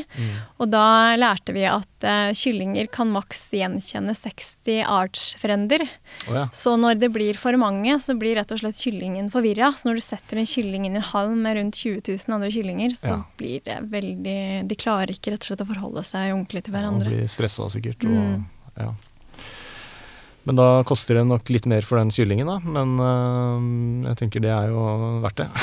Det er verdt det. Og du har også eh, De er på en måte Jeg vil si at eh, Hovelsrud er det beste Ja. merket på dyrevelferd. Og så har du også Holte og Stange, men det, vari det varierer litt, ikke sant. Ja. Eh, og så har du jo også Solvinge, er det vel, Rema 1000. ja. De har jo gått over til Hubbard, En annen rase. en ja. mindre hurtigvoksende rase. Også som har mindre brystparti, så de også har betydelig bedre velferd. Mm. Eh, så jeg tenker at hvis man står på butikken og man ikke finner f.eks. Hovelsrud kylling, og så står det mellom Prior og, og Solvinge, Mm. så tenker jeg at man, eh, hvis man må ha kylling da, så tenker jeg da, er det bedre å velge Solvinge enn en Prior, for Prior er, den vers, er det verste merket. Prior er den verste. Prior og Ytterøykylling er de verste merkene på dyrevelferd Riktig. på kylling. De burde man man alltid konsekvent styre unna. Styr unna prior, og det andre sa du var ytre kylling. Ja, det er for dyra de bruker Ross 308, og disse dyra lever i det miljøet jeg akkurat har beskrevet. Nettopp. Eh, men det er litt fint at vi kan løfte fram noen produsenter som driver eh, skikkelig her, da. Mm. Kan vi løfte fram noen flere griseprodusenter? Jeg nevnte jo Grøstad gris i stad. Er det flere du har top of mind? Ja, du har Grøstadgris, som er på en måte de som er mest si, kommersielle, som driver størst. Så de, de er kjempebra. De er tilgjengelige for mange i forskjellige butikker, og prisen er ikke så mye eller større enn for eh, annet kjøtt. Eh, og så har du Norsk Ullgris DA, men da må man gå på Reko-ringene Mm. for å kjøpe det. Uh, og så har du mm, en del mindre, mindre produsenter som Taraldsrud, Søndre Gård, Reko-ring. Mm. På butikkene er det også Kolonihagen Gris. Der, det får du på Rema 1000. Mm.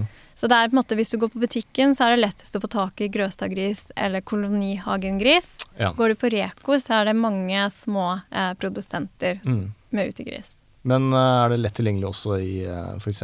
Tromsø, da? Eller er det Det vet jeg ikke. Det er, eh, og der kan man jo bruke forbrukermakta si og så spørre. For jeg tenker at det er ikke sikkert de kan ta inn, men man kan jo jeg tenker Hvis forbrukerne begynner å spørre etter eh, f.eks. Uh, utegris, mm.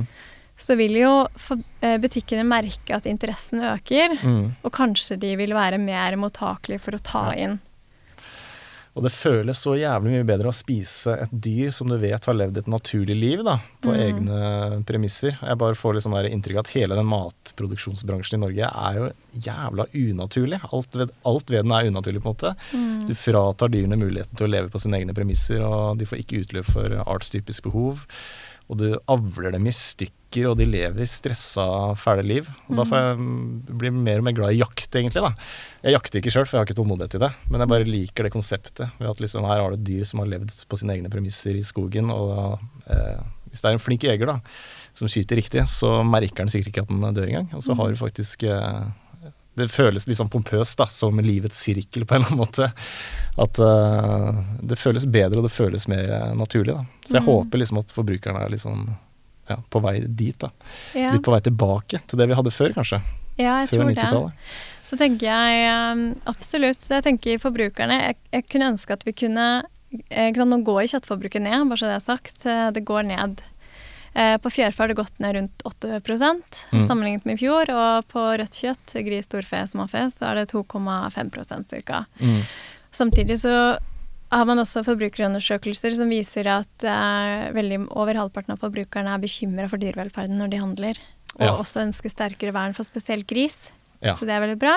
Så jeg tenker hvis alle på en måte tar litt sånn dugnadstak da, for dyra nå, at man vi reduserer kjøttforbruket Mm. vårt, og prioriterer reduksjon, det pleier jeg alltid å si, på kylling og gris. Mm. Det er der dyra har det verst. Og så heller eh, kjøp kjøtt som kommer fra produsenter med bedre dyrevelferd, Mm. og ha det som en sånn liksom sånn som i gamle dager, da. Besteforeldrene våre. Litt mer sånn der kvalitetsmat som man skal kose seg Mm. med. Og så, så vil det både sende et signal til matbransjen, det vil sende et signal til kjøttindustrien, og det vil sende et Mm. signal til politikerne. Og det vil også være lettere for sånne som meg å få gjennomslag for større dyrevelferdsreformer og endringer i landbrukspolitikken hvis forbrukerne er med å vri sant, markedet. Ja, Mm. så bra. Jeg er helt enig, og klimaaktivisten i meg vil jo si at vi også må spise litt mindre storfe, da. Så egentlig må vi redusere absolutt alt. Men det Mm. fins verktøy, og det fins den der appen. Eh, Mm. Den er jo genial, selv om eh, det er, utvalget er sikkert ikke enormt i hele landet, men det er i hvert fall et sted å starte, da. Så mm, ja, absolutt. Jeg er helt enig i alt du sier. Hvordan kan vi eh, støtte deg og det viktige arbeidet du gjør? Å ja, takk. Ja, jeg er jo avhengig av donasjoner for enkeltpersoner for å Ja. kunne være uavhengig og- gjøre den jobben jeg gjør. Så da har jeg en egen sånn crowdfunding-side som heter patron.com Norunn Haugen. Ja. Der kan man velge selv hvor mye man vil gi, og så får man oppdateringer jevnlig om arbeidet mitt.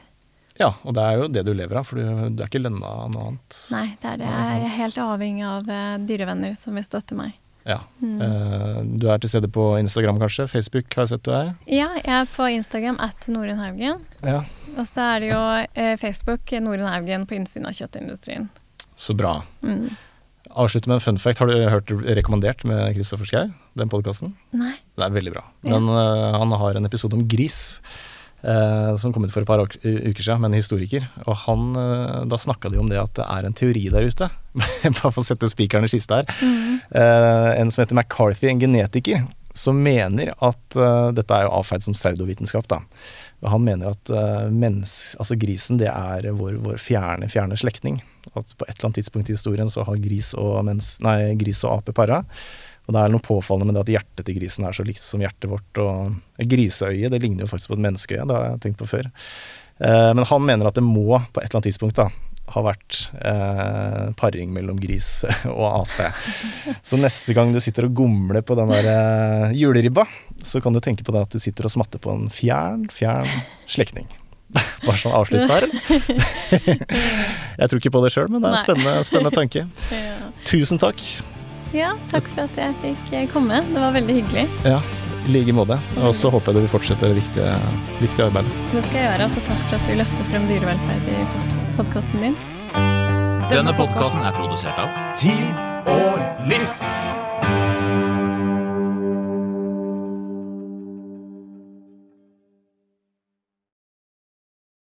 Velkommen til Kjemperådet! Yes.